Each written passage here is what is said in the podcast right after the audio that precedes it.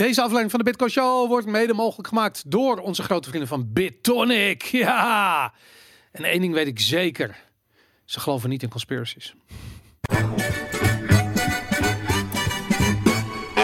It's the Bitcoin Show with our very special hosts, Aaron, Boris, and Jan Willem. Yay! Jee, daar zijn we. Ja. Nee, Jan, welkom bij de 66e Bitcoin Show. Ik, moet, ik ben gewoon de tel kwijt aan het raken. 66 zijn er veel, hè? Het zijn er 66 om precies te zijn. Ja. Ja, het zijn er echt best wel veel.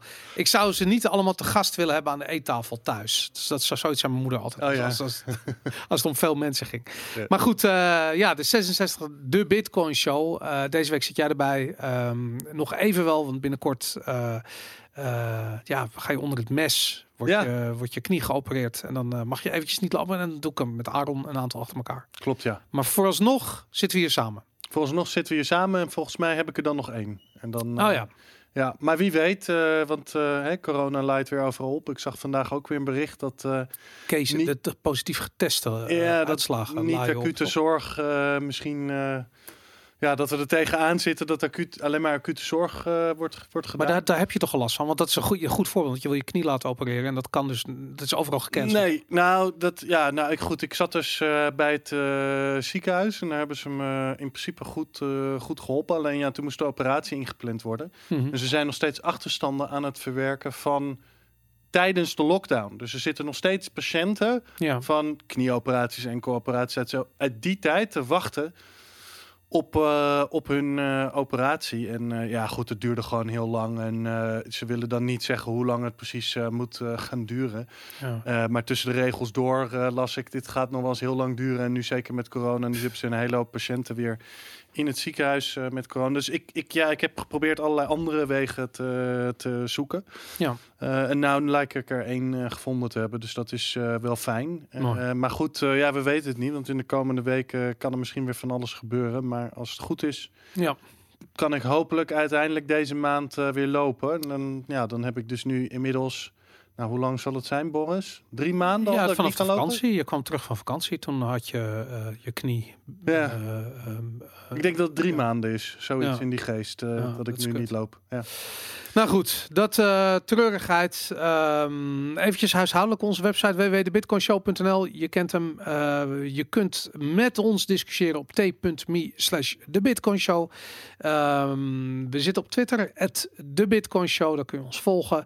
En natuurlijk, als je dit kijkt op YouTube, like en subscribe. Want eh, YouTube eh, demonetized ons genadeloos. En dat betekent dat ook eh, we niet voorkomen in de zogenaamde vertoningen. Je krijgt alleen maar de Bitcoin Show post te zien als je liked en subscribed. Dus dat, dat, dat om het, ja, om de demonisering van YouTube tegen te gaan. Zodat wij toch boven komen drijven. Dat is waarom je liked en subscribe. Goed, ehm, ik vind het, eh, wat ik jammer vind aan het feit dat we niet eh eventjes niet met z'n drieën de Bitcoin Show opnemen, ja, is dat eh er af en toe onderwerpen voorbij komen waar ik het idee heb van ja, daar hebben we alle drie best wel sterke meningen over. Het zijn leuke discussies. En ja, dan gaat die discussie gaat een beetje. Klopt, ja. Met twee is het altijd jammer. Maar goed, er is zoveel gebeurd en aan het gebeuren. Ehm, ik, ik weet niet eens waar ik moet beginnen, maar misschien moeten we eventjes over de verkiezingen hebben. Volgende week dinsdag worden in Amerika de presidentsverkiezingen gehouden. Eh, Trump versus eh, Biden. Ja. Weet je al wat je gaat stemmen? nou ik mag niet stemmen, dus dat is heel? Ja, gewoon bij een gemeentehuis kun je gewoon. En het is gewoon een kwestie van heel hard schreeuwen op Twitter. Dus ook, dat is ook een soort van. Oh ja, op die manier kun je ook stemmen. ja, daarom. Ehm, nou ja, goed. Ik, ik, ik, ik ga dus niet formeel op iemand stemmen, maar in principe heeft Biden wel mijn stem. Oké, ja, Ja. je bent een, een democrat, ben je. Eh, ja, nou, zo zou ik het niet helemaal willen, willen zeggen. Ehm, kijk, ik, in het, nou ja, laat ik het zo zeggen. In het verleden ben ik eigenlijk nooit voor een republikein eh, geweest. Ik was de vorige kiezi- verkiezingen eh, vrij neutraal. Het is niet dat ik met heel veel enthousiasme Joe Biden hoop dat Joe Biden wint. Ehm, maar goed, voor Hoop mij je dat hij wint? Ja, ik hoop het wel. Ja. Ja, ja. Ik hoop en, het en niet. is Ik echt niet met. En ik Hij zeg, nog nooit eerder gehad. ik zeg dat niet met heel veel enthousiasme. Ja. Maar er Het zijn is toch een beetje of je soort van wil je je enkel verstuiken of je pols Ja, verstuiken. een beetje wel, ja. Ja. ja. en dat snap ik dus ook niet helemaal. Want ik denk, nou ja, sowieso vind ik hem erg aan de oude kant eigenlijk, Biden. Als Hij heeft gewoon straight zijn. Alzheimer's. Nou, dat weet ik niet, maar ik, ik, ja, ik, ik vind hem wel erg aan de, aan, de oude kant. Ehm, en ja ik, vind, ja, ik vind hem dus eigenlijk niet zo heel erg goed. En ik denk, ja, tegen zo iemand als Trump moet je toch redelijk makkelijk een hele goede kandidaat uh, ik vind, sorry, maar ik, vind, ik, ik, ik, ik, bedoel, ik zou niet Trump zijn beste vriend zijn, maar ik vind als je kijkt hoe weinig oorlog hij gevoerd heeft de afgelopen vier jaar, hey, top, weet Mhm. je, dat heeft hij goed gedaan. Er zijn heel veel dingen, die geldprinterij van hem, wat Mhm. overigens de uh, democraten waarschijnlijk even hard gedaan hebben, of nog wel harder. Um, ik denk dat dat gewoon, dat, Mhm. dat is gewoon de zwakke schakel van het Amerikaanse politieke systeem. Uh, maar ja, ik zou, ik zou nu voor het eerst, en ik denk niet dat ik dat eerder heb gehad, maar ik, ik, heb, ik, ik hoop dat Trump wint. En ik denk eerlijk gezegd. Oh jee, Boris, wat zeg je nou? Ja, ik hoop gewoon dat Trump wint. Ja, dat, is, dat klinkt raar. Nou, ik ben niet iemand die uh, op de trein stapt van uh, alles wat uh, Trump doet is verkeerd en moet bekritiseerd worden. credit waar credits toe. Ik vind bijvoorbeeld dat zijn administratie, hoe zij met China omgegaan zijn. Nou, volgens mij was dat echt een goede manier en werd het Ja. ook eens hoog tijd dat Ja. iemand op die manier. Maar dat eh, gaat Biden bijvoorbeeld al niet doen. Nou, ik denk het wel. Ik denk Nee, dat joh, op. Die wordt Nee. betaald door... Dat eh, dacht ik eerst de- ook niet, Door, maar- door Xi Jinping, die... eh, Nee, nee, dat dacht ik eerst ook niet. Toen heb ik eens zitten kijken. Ik denk dat hij hetzelfde soort beleid eh, gaat, gaat doorvoeren. Dus ja, credit waar credit, credit is due. Ik denk ook dat de Democraten in het begin. Weet je, hebben ze hem van alles geprobeerd te beschuldigen. En nou is hij wel misschien schuldig aan sommige dingen. Maar maar is, als je hij is gewoon... nergens schuld gaan. Ze hebben, dat is, vind ik, als je het hebt over die Rusland... eh, Bijvoorbeeld, dat is er één, eh, dat is er één van. Eh, dat, dat is het voornaamste wat ik dan Maar bedoel. het is toch dat- bizar dat het tegenovergestelde waar is? Dat Biden door middel de- langs zijn zoon die die die Nou, ik weet niet steekpen... helemaal. Nou, Nee, ik doe weet het, niet of dat dat die- helemaal waar is. ja, maar kom op, dat, dat is dat is Laat dat, toch even terzijde, laat dat even terzijde. Nee, maar niet terzijde. Ik vind het juist heel erg belangrijk. Dat je, dit is een prachtig voorbeeld van corruptie. Staatscorruptie. Dit is gewoon, dit is precies wat ik haat aan overheden over het Mhm. algemeen. Dat is gewoon, die mensen zijn gewoon corruptible. Die laten zich omkopen door grote bedrijven. Die vertegenwoordigen Mhm. niet jouw belang als stemmer, maar de belangen van, van gewoon, weet ik veel, mensen met geld. Ja. En dat is wat je hier ziet. Nou, ik, goed, ik heb me niet verdiept in die case. Er zullen ongetwijfeld allerlei eh, experts zijn op YouTube die roepen dat eh, Biden inderdaad schuldig is aan corruptie. Ik weet het niet, want ik heb me niet op die manier verdiept in de case. Het enige wat ik wou zeggen is dat Trump wel van allerlei dingen beschuldigd is, waar Mhm. sommige dingen denk ik de Democraten wel gelijk hebben. Zoals wat dan? Eh, dat hij eh, enorme verdeeldheid eh, bijvoorbeeld, bijvoorbeeld zaait. Eh, Maar dat, zou je, dat, dat, kun je hem dat is, ik bedoel, is dat niet gewoon sign of the Die verdeeldheid is in Nederland ook aan de hand. Die verdeeldheid is over de hele wereld. Nee, hij heeft, echt, eh. hij heeft echt een soort van. eh, hij is eh, erratisch, wat sowieso eh, niet een heel eh, prettig eh, gevoel Wat is. om, eh, erratisch? erratisch en een flap uit. Nou, hij verandert heel snel eh, van mening. Hmm, Eh, oké. Hij eh, eh, is erratisch, eh vloept, er, eh, vloept er dingen uit. Eh, je ziet ook dat de relatie tussen Europa en, eh, en Amerika enorm is verslechterd in de afgelopen, afgelopen vier jaar. En dat is ook een van de redenen waarom ik graag Biden zou willen zien. Want ja, die, die, de herstel met de relatie met Europa. En wij zijn toch voor onze veiligheid, zeker van Amerika, afhankelijk. We kunnen, hè, er zijn altijd heel veel mensen in Nederland die heel enthousiast roepen over hoe slecht Amerika wel niet is. Maar we hebben wel onze veiligheid aan hun te danken. Ik denk niet dat wij zonder Mhm. Amerika in, in deze wereld met eh, groot geweld eh, vanuit eh, China en Rusland veilig kunnen zijn. Dus ik vind het heel belangrijk dat die relatie hersteld wordt. Nou, die kans is naar mijn idee echt 0,0 met Trump. Maar die kans is wel Hmm. meer aanzienlijk met, eh, met Biden. Denk je niet dat door dat Trump zegt van luister, die Europeanen moeten hun eigen bandjes doppen, dat we in Nederland weer een keertje gaan nadenken over wat er nou daadwerkelijk eh, aan defensie wordt uitgegeven? Want het heeft ons namelijk, het heeft on, ik zeg ons, maar het heeft Europa ook lui gemaakt. En dat ga, het is anders voor de Dat UK en waar, Frankrijk. Die hebben relatief veel uitgegeven aan defensie, maar bijvoorbeeld in Nederland, volgens mij geven wij minder dan 1% van ons eh, BBP uit aan defensie. Ehm, en ik ben helemaal niet pro-oorlog. 1,6 of zoiets. Ja, eh, extreem weinig. niet. Ik, volgens mij zijn ze. Nou, anyways, ik, ik, ik, nou, ik heb de cijfers niet. Maar goed, dan nog, zelfs als, hè, zelfs als Europa nu eh, zou opschalen naar, weet ik veel, 2,5 of 3 procent. Mhm. wat niet gaat gebeuren. Eh, dan nog zijn, is die alliantie denk ik met Amerika en gewoon enorm belangrijk. Ja. Ehm, ja, en die zie je nu gewoon eh, verwateren. Dus dat is bijvoorbeeld één, eh, dat, zijn, dat zijn een paar van de redenen waarom ik toch, ook al vind ik niet dat alles wat Trump heeft gedaan slecht is, ook al vind ik niet da- hè, l- heb ik nou niet, draag ik nou niet Joe Biden zo'n warm hart toe dat ik toch hoop dat hij eh, wint. En dan, ik denk dan even iets anders. toch dat dat Als een, bitcoiner, hè? Gewoon even als bitcoiner. Ik bedoel, ehm, als je kijkt eh, onder Obama zijn de activiteiten van de eh, NSA eh, zijn eh, in een stroomversnelling terechtgekomen. Hij heeft Ja. echt dat hele dat idee dat eigenlijk elke Amerikaan, maar ook elke Europeaan onder een soort van surveillance paraplu valt. Dat is onder Obama is dat, is dat tot stand gekomen. En mhm. ik was een Obama-fan toen hij gekozen werd voor het eerst. En toen hij klaar was, na Maar die is dat jaar, zo? Dat is toch niet waar? Dit is toch al toch aan de hand eigenlijk. Nou. Sinds 9-11 zijn toch allemaal hè, met de Patriot in gang gezet. Maar Obama heeft dat echt, die heeft, die heeft dat nog veel verder in. Die heeft dat. Obama heeft echt wat en de- Snowden is daar een goed voorbeeld van, die dat eigenlijk dat schetst hoe dat is uitgerold. Ja. Ehm, en ik denk wat dat betreft, als je kijkt naar. eh, Maar ik ben wel met je eens dat, dat Obama veel van de lijn van George Bush in dat eh, opzicht misschien wel door heeft gezet. Maar mhm. Ja, het is een, een collectief, laten we het zo zeggen. we zien alleen maar conflict tussen democraten en republikeinen. Maar op sommige dingen kunnen ze blijk- blijkbaar heel erg goed vinden. Ja, maar dat is, dat is het hele probleem. Dat dat hele links-rechts denken. Ik denk dat je daar een vergissing in maakt. Ik denk dat een overheid zo klein mogelijk moet zijn. Want zodra ze groot worden. En dat is wat ze. Wat eigenlijk interessant is, is wat zowel Trump als Biden. wat ze niet zeggen. Mhm. En dat is namelijk alles wat belangrijk is. Dat is namelijk, dan heb je het over de rol van geld, wat geld is. Eh, dan heb je het bijvoorbeeld over die surveillance state uitrollen. Ik heb Trump nooit ja. gehoord, maar eh, en Biden ook niet. Dat staat ja. niet ter discussie.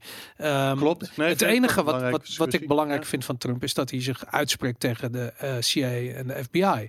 En die, eh, die intelligentiecultuur, dat ik denk van ja, in die hoek, daar zit een dreiging voor Bitcoin.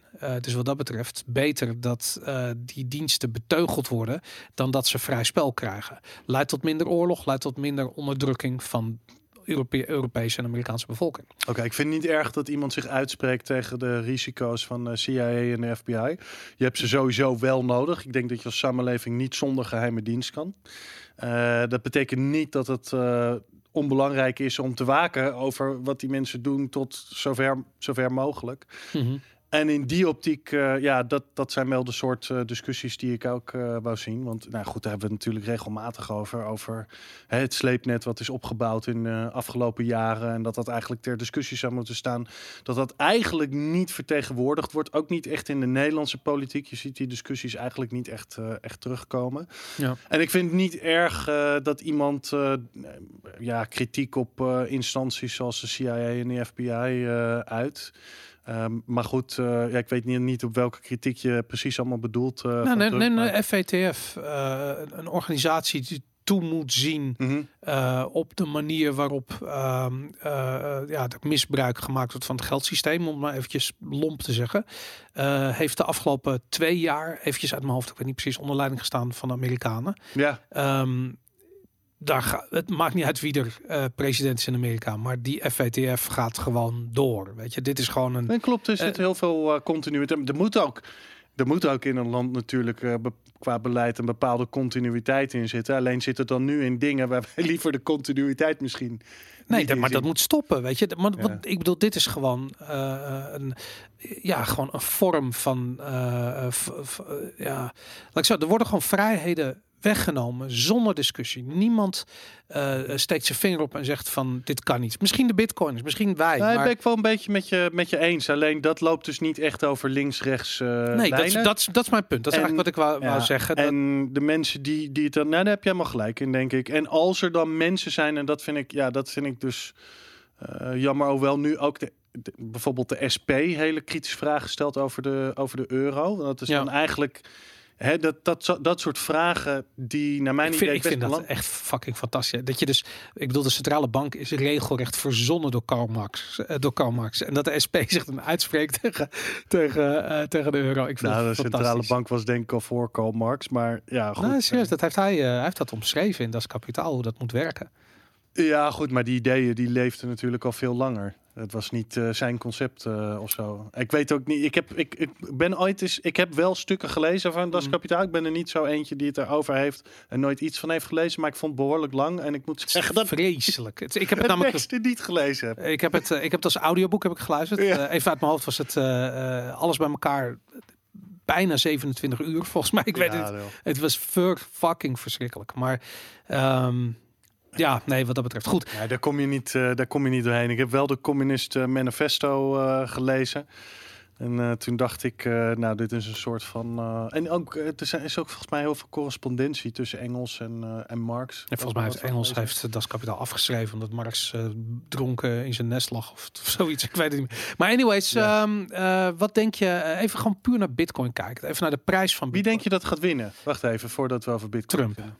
Jij denkt echt dat Trump gaat winnen? Met een landslide. Mhm. En eh, ik denk, eh, kijk, het is sowieso, eh, ik heb dat al eerder gezegd, had ik ook een discussie met aan over. Het is zeldzaam dat een zittende Amerikaanse president niet herkozen wordt. Het komt voor, en het interessante is, wanneer komt het met name voor? Als je ziet dat er sprake is van recessie. Nou, dat is nu eh, ehm, buiten ja. enige twijfel dat het aan de hand is. De vraag is, wordt dat Trump aangerekend? Ik denk het niet. Uh, want het lijkt me logisch dat uh, wat er in Amerika gebeurt over de hele wereld gebeurt. Namelijk iedereen die zijn economie dichtgooit ervaart recessie. Uh, daar hoef je niet al te lang over na te denken.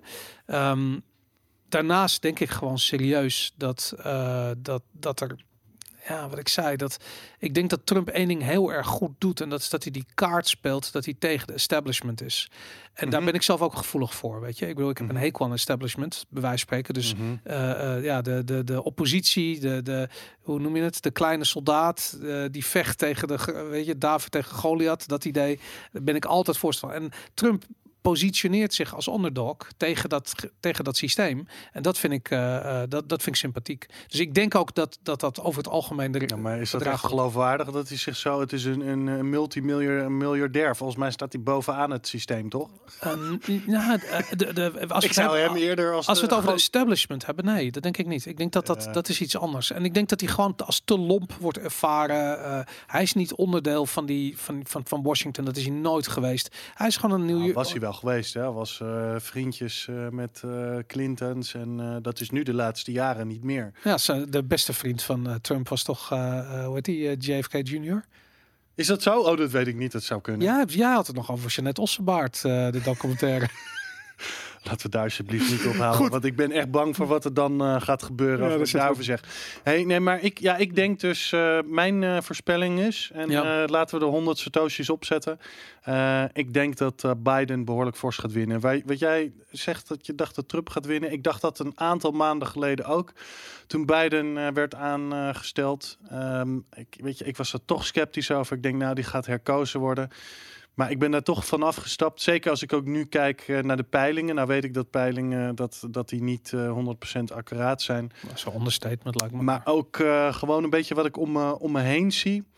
Ik, ik denk dat hij gaat winnen. Ik denk dat hij nog met een redelijke marge ook wel gaat winnen. Zowel zijn electoraal, electoral votes ja. als in de popular vote, denk ik. Weet je wat ik zo interessant vind? Het, ik denk dus, ik heb deze discussie wel vaker. Hè, in mijn bubbel waarin ik zit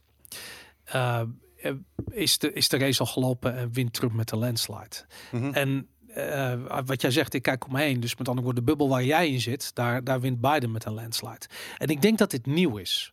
Ik heb nog nooit, wat je zegt, die polarisatie die plaatsvindt. Die dus niet alleen plaatsvindt in de, in de felheid mm -hmm. van de discussie, maar ook in de, de, de beleving van de realiteit. Weet je, die, zich, die gevormd wordt door die bubbel waar je in zit. En of dat nou social media is, of dat je nou het NRC leest en de NOS kijkt. En het, het, het, het is alles. Het, het gebeurt overal. Weet je, ik bedoel, die presidentsverkiezingen zijn makkelijk. Je kunt er naar wijzen en je moet de keuze A of B. Weet je, dus dan, dan, dan is daar bubbelvorming en, en wordt dat in het extreme getrokken. Maar ook als je het over corona hebt of als je het over de economie hebt, mensen hebben zo'n ander perspectief van de werkelijkheid.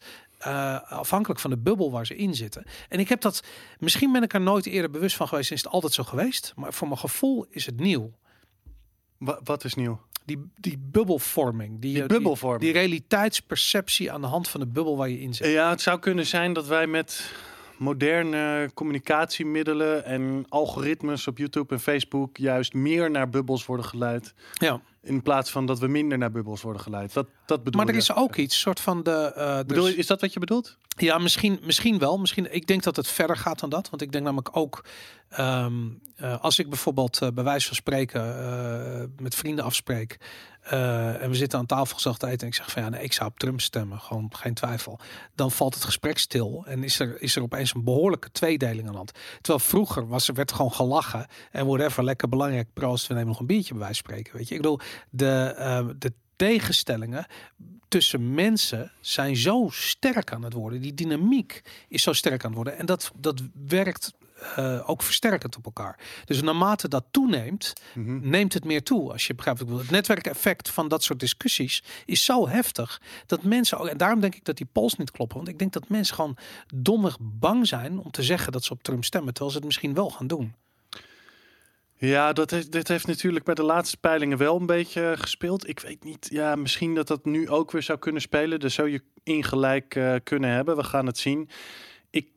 Denk niet dat het zo'n hele sterke rol eh, meer speelt. Maar ja, we zullen het, we zullen het gaan zien. Ik Ja. eh, weet het niet. Maar hij staat met heel veel van die peilingen toch wel behoorlijk voor. En ik, ja, weet je, Biden ik weet, je, Biden staat voor. Biden, ja, Ja. En ik weet toch wel, zelfs in eh, vrij conservatieve staten zoals eh, Texas, dat er toch een hele hoop mensen die misschien anders republikeins... eh, maar goed, dat zijn allemaal persoonlijke anekdotes natuurlijk. Maar We gaan het volgende week dinsdag zien. Of eigenlijk volgende week woensdag gaan we het zien. Want we weten het natuurlijk pas eh, woensdagochtend. ja, Hey, en dan nog als het, een, als het echt heel dicht bij elkaar zit. Maar ik, ik, denk, dus, ik denk dus dat waarschijnlijk Biden... eh, ik denk dat hij met een redelijke marge gaat winnen. Niet een gigantische marge, Mhm. Maar ik denk dat Popular Vote, dat hij die met een paar procent wint. En ik denk ook dat de Electoral College, dat het niet zo is dat we wekenlang nog eh, stemmen aan het hertellen zijn. En eh, is hier wel of niet een ho- hoekje afgebroken van het stembiljet. Ja, nou goed, laten we la- laat me vooropstellen dat ik hoop dat ze allebei verliezen. Dat kan helaas niet, maar we gaan het zien. Eventjes over de prijs van Bitcoin. Wat denk je? Wat gebeurt er als Biden wint? Ik denk niet dat eh, di- dit heel veel invloed heeft op de Dude, prijs. eh, de, de, de, Denk je dat nou echt? Ja, natuurlijk. Die markten zijn nu al aan het, zich aan het voorbereiden voor die presidentsverkiezingen. Nou, ik denk misschien. Nou, oké, laat ik het zo zeggen. Ik denk dat waarschijnlijk op de korte termijn, omdat er een machtsverwisseling is, dat, dat zal wel een negatief effect, denk ik, op aandelenmarkten en zo hebben. Dat, dat- Mhm. dat is meestal zo. Ja. Maar of het op de lange termijn heel veel uitmaakt. Ja, misschien wel. Misschien dat ik daar nu iets te laconiek over Nee, die effecten inderdaad. zijn juist heel. Sterker Ik nog, denk dat dat best. wel- Ja, ik denk inderdaad, want Biden, je ziet ook weer dat hij de belastingen wil hoog, omhoog gooien voor Tuurlijk, bedrijven en ja. ondernemers en zo. En hij wil kapitaalbelastingen wil hij natuurlijk. en, dat is trouwens en wel- lockdowns. Wat Dat dacht is je daarvan? wel een reden waarom ik niet dat dat zijn de soort van redenen waarom ik dus niet enthousiast ben over Biden. Maar goed, Mhm. dat uh, dat terzijde. De andere reden wegen zwaarder voor mij. Maar, de, maar de lockdowns, want dat is natuurlijk een van de belangrijkste eh, factoren als je kijkt naar de economie. Mhm. Trump heeft uitgesproken, eh, is uitgesproken negatief over dat soort maatregelen. Waar Biden juist heel erg pro dat soort maatregelen. Dat betekent dat als Biden gekozen Klopt, wordt. ja. ja gaan we nee, waarschijnlijk meer- Ik, eh, ik deed daar iets te laconiek over. Ik denk inderdaad dat het wel uit. Maar alleen, dit ging natuurlijk specifiek om de bitcoinprijs. Hè. Kijk, Ja. met aandelenbeurs en zo snap ik je argument wel. Mhm. Maar met de bitcoinprijs weet ik nou niet of ik 1, 2, 3 daar heel snel dan een conclusie uit moet trekken. Wat denk jij? Nou, we hebben natuurlijk een soort van. We hebben een hele tijd gezien dat, eh, dat, eh, eh, dat de Amerikaanse beurzen gelijk opgingen met de prijs van Bitcoin. Ja. En ook de, de correcties. mij inmiddels niet meer. Bitcoin is nu zijn eigen feestje aan het vieren. Nou ja, dat is dus nu net gebeurd. En de vraag is waarom. Dat is vorige week is dat ingezet. Dan zien we opeens een rally van Bitcoin. Die ging richting de 14.000. Misschien tegen de tijd dat je dit luistert, zitten we daar wel overheen. Weten wij veel. Maar het. Ja, of terwijl op 10. Ja, nou, nou dat, dat denk ik niet snel. Maar in, maar in ieder geval, de, eh, eh, de, terwijl de beurzen 2% aan het eh, correctie doormaken. Ja. Dus je hebt best wel kans dat, het, dat we nu. eh, ehm, laat ik zeggen, ik denk dat die correctie te maken heeft met de. ehm, eh, met de aankomende verkiezingen. Dus eh, ik kan me voorstellen dat als je, eh, weet ik veel, actief bent in de aandelen, dat je nu zoiets hebt van ik wil nu even in cash zetten. want ik ga niet afwachten wat er gaat gebeuren. Tenminste, ik ga even in veiligheid afwachten wat er gebeurt. Maar het kan ook zo zijn dat het mensen aan het denken zetten. Zoiets hebben van, nou weet je, dat in veiligheid, weet je wat het voor mij is? Dat is dat ik in bitcoin ga zitten. En dat zie je natuurlijk steeds meer gebeuren. Dus ik denk, kijk, heel lomp gezegd, denk ik dat het maakt niet uit wat er gebeurt. Alles is bullish voor, voor Bitcoin.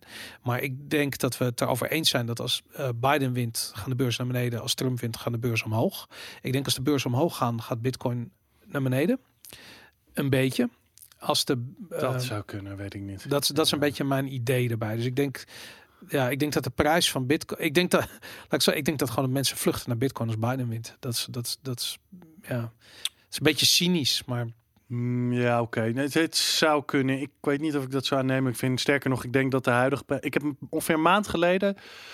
Zei ik, eh, misschien moet ik mij de conclusie eh, trekken dat ik verkeerd zat. Want ik dacht namelijk dat de heffing wel een prijsstijging zou eh, veroorzaken. ja, En dat gebeurde alsmaar niet. Nou, nou zien we het alsnog. En naar mijn idee heeft dat... Nou ja, ik heb ad nauseum aangegeven waarom ik denk dat de heffing nog niet 100% is ingeprijsd. Ja. Ik zal hem nu niet, zullen ze nu niet herhalen. Ja. Ehm, dus ik denk dat dat heel veel is van wat je momenteel ook, eh, ook ziet. Maar het narratief, en daar gaan we het zo wel over hebben, wat jij het hebt, dat er tegelijkertijd ook een soort van willende. Ja, dat Bitcoin een soort van populariteitsrace aan het winnen is. Vooral onder Ja. jongere mensen. en Zo het speelt ook mee. Dus ja, het zou inderdaad kunnen zijn dat als vooral jonge mensen denken, nou, Biden komt weer, we gaan, hè, we gaan weer eh, pandemie tegemoet. Hij gaat een hevige lockdown doen. Ja, misschien wel. Het zou kunnen. Ja. ja zou Nou, kunnen. ik, ik, ik, laat ik zo zeggen, ik, ik zie niks dan bullish nieuws de laatste tijd. Ik, ik heb, ik, ik, ja, maar dat maakt mij ook wel een beetje, eh, doet, maakt me ook wel een beetje angstig. nou, ik weet niet. Ik, ik, eh, ik, ik ervaar het meer als een soort ontlading van die twee jaar lang bear market. Ja, En eh, als je dan een soort van bevestiging ziet in van oké, en de prijs gaat omhoog. En er komen weer briljante memes langs. En Michael Saylor met zijn MicroStrategy koopt voor 425 miljoen bitcoin. En- Bitcoin begon in te storten januari 2018, hè? Ja. Dat was ongeveer de, de begin, dacht ik, Ja. ergens daar. Het was, de piek was een beetje die tijd. Mhm. En toen zijn we ja, eigenlijk tot en met... Ja, we hebben natuurlijk een Nee, gehad ja, in- maart dit jaar van eh 3100 dollar of iets. Dat was toen eh, net COVID ook eh, uitbrak en lockdown en pandemie helemaal en uh, aandelenbeurs ook aan het crashen waren. En nu, ja, nu zitten we eigenlijk ja, sinds, ja, wat zal het zijn, juli of zo in een echt behoorlijk stijgende lijn. Of iets eerder misschien, nog juni of zoiets. eh, Geen idee. dat Ik- zoiets. Zo ben zo erg ben ik niet met de prijs bezig. Wat ik wel eh laatst zag was een mooie... 2,5 jaar toch wel echt een bear market gehad, laten we het zo Maar, maar ik weet niet of jij dat hebt, Jan. Maar Ja. ik, dit voelt, dit voelt echt als eh, oktober eh, 2016. Het voelt zoals ik weet nog hoe het was. Ik bedoel, ik kwam uit een tweejarige bear market en voor mij was Bitcoin eh, technisch interessant en ik vond het leuk dat idee van vechten tegen het systeem. Maar het idee dat je rijk wordt met het of geld gaat verdienen aan het hebben van wat satoshis, dat was niet echt een, een, het was niet echt een, een, een, een dominant gespreksonderwerp in die tijd bij wijze van spreken. En toen op een gegeven moment, toen, toen ging die prijs omhoog, die ging richting die vorige all-time dat was 1000 dollar geloof ik. En dan zag je opeens de, memes werden grappiger, mensen ja, hadden zoiets van 1240 ja, zoiets Ja, zoiets. inderdaad, wat ik al zei. Ik was er niet op die manier mee bezig. En het, het, het, het, het is alleen dat. Maar de- niet, want dat is wat mensen aan. Ja, maar jij kwam misschien Ik- vanuit andere motivaties. Ik kwam van andere maar de motivaties. meeste mensen zijn zo bij Bitcoin gekomen omdat Ja. ze denken dat ze geld kunnen verdienen. Ja, dat, dat, ik begrijp. Ik heb daar ook respect voor. Hoor. Het is echt niet dat ik zeg van ja, als je, als je in Bitcoin zit voor het geld, dan, dan Hmm. ben je niet goed. Ik snap dat dat voor veel mensen gewoon de dominante drijver is. Voor mij is dat niet zo. Maar ehm, ja, ik snap dat de meeste me- Bitcoin is fucking ingewikkeld en heel moeilijk te begrijpen. En als je probeert iemand uit te leggen waarom ze in Bitcoin, dan is het veel makkelijker om te zeggen het is digitaal goud. Je, dat is, Ja, gewoon ja. lekker makkelijk. Dat snapt iedereen. En waarom ook niet? Fuck het. En als je probeert dat ingewikkelder te maken, dan haken mensen gewoon af. Dus ik vind het ook niet erg dat het prijsgedreven is. Eh, voor mij was dat niet zo. Dus, maar in ieder geval toen, er hing een soort optimisme in de lucht zo eh, eh, eind 2016. En het lijkt hierop. Het lijkt gewoon op wat er nu aan de hand is. Eind van- 2016 of 17? 16. Ja, 17. wa- Zo, de- de- Toen ging het dak eraf. Ja. Dat was niet optimisme meer. Dat was gewoon een gigantische beloventop. Maar, Ja, maar in 2016 begon het al. Die hele eh, bull market heeft lang geduurd. En dat is natuurlijk ook Ja. wat, wat stock to flow laat zien. Dat, het, dat die halving een soort rol speelt. Waardoor die, die cyclus de hele tijd herhaalt. Maar het was, eh, ja, maar goed, je had toen ook eh Segwit natuurlijk, wat een enorm belangrijke factor was. ja, Maar inderdaad, als je naar ja, crypto Twitter kijkt, die is, ja, die is eh, behoorlijk eh, euforisch, laten, Ja. we het, eh, laten we het zo maar zeggen. Maar goed, ja, aan de andere kant, dat zijn mensen die al, ja, die al iets met Bitcoin doen en Bitcoin hebben. En ja, ik, ik weet het niet, eh, Boris. Ik, eh, ik blijf daar altijd eh, sceptisch over. Maar jij bent toch een presentator van de Bitcoin Show? Dan weet je toch al die dingen? Nee, met prijsvoorspellingen, dat vind ik altijd eh, heel erg lastig. Ik denk, laat ik het zo zeggen, als ik er één moet doen op de lange termijn, denk ik eh, dat Bitcoin nog wel redelijk in waarde kan, kan stijgen. Ehm, maar ik zie eh, Bitcoin eh, nu niet, niet nu binnen één jaar naar bijvoorbeeld eh 50.000 dollar gaan of zo. Famous last words, Jan. Het zou kunnen. Ik zie het namelijk wel. Waarom niet? Het is al drie keer eerder gebeurd. Dus waarom niet? Ja, maar dat is hetzelfde als dat je zegt... eh, Amazon de stok is al eh, drie keer eerder met eh 100% gestegen. Op een gegeven moment zit de rekker er wel een beetje uit, weet je. Want dan heeft de hele wereld Amazon stok. Er zitten nu... Maar heeft de hele wereld Bitcoin? Nee man, helemaal niet. we ja, zijn pas wel net een hele hoop mensen. Ja, hele hoop, wat, een paar miljoen wereldwijd. Nee, we zijn dat nog Ja, een lang hele niet. hoop mensen. En er zijn eh, bijvoorbeeld in eh, Amerika... Je weet, een ma- paar maanden geleden dat de Grayscale Trust... Mhm. onder jonge mensen een van de vijf eh, meest populaire beleggingsproducten is. Ja, en op een gegeven moment houdt de rek ook wel een beetje, een beetje op, denk ik. Dus laat ik het zo zeggen, het zou kunnen. Sowieso zie ik niet, eh, sowieso zie ik echt niet iets van een vertienvoudiging. Het zou kunnen dat we misschien nu een periode gaan waar er weer een sterke prijsstijging eh, komt. Maar ja, ik zou zeggen, Ik moet je zeggen, die presidentsverkiezingen Reken interesseren me er niet van. niet Maar op. hier zou ik wel met je over willen wedden. Reken er niet op. Zullen we een krat bier wedden dat jou dat, dat je eh, Is goed, doen we. Eh, Wat zei je, 50.000 in een jaar, over een jaar? Ik denk namelijk dat het kan, omdat het al eerder gebeurd is. En ik denk ook dat dat, dat vind ik het sterke aan Stock to Flow. Dus Ja, het, kan, eh, het kan, maar dat iets. dit is- hij- Als ik een basketbal in de lucht kan gooien, heb je ook een kans dat die quantum tunnelt naar China. Maar die Ja, kan- maar kans het is niet heel erg groot. Het, laat ik zo, de, fundamenta- de fundamentals zijn niet veranderd. Sterker nog, die zijn allemaal sterker geworden. Er wordt meer geld bijgeprint. Eh, er is eigenlijk geen escape, behalve in goud. Er is straks geen goud meer te koop, geen zilver meer te koop. Eh, bij Bitcoin heb je dat probleem niet Nou, op die manier. niet. Ik eh, weet bent, niet. wat ben je toch zo, Ja. die nuance van je de hele tijd? Dat weet je wel. Nee, ik zie het je. Ik hoor je net nog vol vuur Nee. binnenkomen. Er is geen goud meer te koop zometeen. Wat een onzin. maar goed, laten we het hebben fake over... news, fake news. Nee, Fake ik denk, ik, het zou zomaar kunnen dat we nu een eh, behoorlijke prijsrun krijgen. Sowieso ben ik absoluut niet van overtuigd dat die eh, van de orde percentage groter gaat zijn als in 2016, 2017. Waarom? enige wat Wa- ik ik ben gewoon benieuwd waarom. Omdat als dat al drie keer is, waarom omdat niet nog het al keer? gewoon al vele malen groter is. Maar we hebben hier een market cap van, wat is het, 250 miljard of zo? Het is helemaal niks. Het is Ja, een- goed, ik denk- nog niet denk- een druppel op de financiële Ik plaat. denk dat eh, als je Bitcoin lang genoeg vasthoudt, dat er een redelijke kans is dat over tien jaar Bitcoin. ehm Ja, maar dat, zei, dat is extreem veilig. Maar nu, eh, dat zei je tien jaar geleden ook. En nu, nu, zijn we er. Het is, is. het is nu, nu, nu, nu gaat het gebeuren. Nu gaan we die Nee, ik stap zetten naar die... Ja, denk Nou ja, niet. Nee, we gaan een krat bier wedden. Ja, eind 2021. Meer of minder dan, wat zei je, 40.000? 50 50.000 zei je. Ik denk dat zeker meer- minder. Zeker meer. Eind 2021. Zullen we er een datum op zetten? Oké, wacht even. Dit wordt, eh, dit, dit wordt onze weddenschap. 31 december, eh, of zullen we zeggen kerst 2021? Een mooie fles kerstbier of zoiets. Of een Ja, krap- twa- 12 uur eh, Meridian Time of zoiets. Zoiets, ja. Central European Time, 12 uur op eerste kerstdag. Dat is onze... eh, 12 uur, moeten we niet vergeten dit. Nee, hè? moeten we niet zeker weten. Goed. Dollar of euro? het maakt me niet uit, wat jij wil. Minder dan 50.000 Als de dollar nog bestaat, dan doen we de euro. Oh ja, die ja.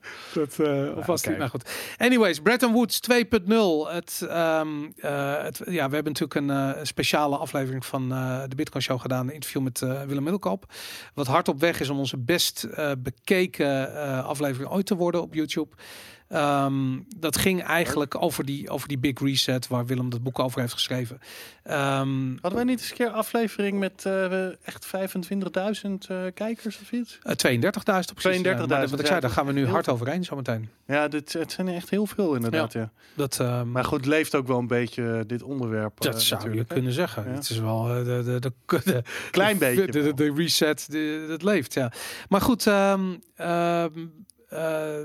eventjes over dat IMF. Dat ze dus oproepen voor een nieuw Bretton Woods 2.0 moment. Ja, want daar hadden we net discussie over. Nou ja, jij, jij vond dat, dat, dat ze dat niet hebben gezegd, toch? Of dat ze dat, Ik vond het helemaal niet zo bijzonder. Nee? Nee. je hebt nee, zoiets van, helemaal dat, niet. dat komt één keer in de 80 jaar voor. Dat, Nee, nou ja, weet je, ik, ik, ik heb het videootje gekeken en ik zie dan. ehm, Kijk, ik denk.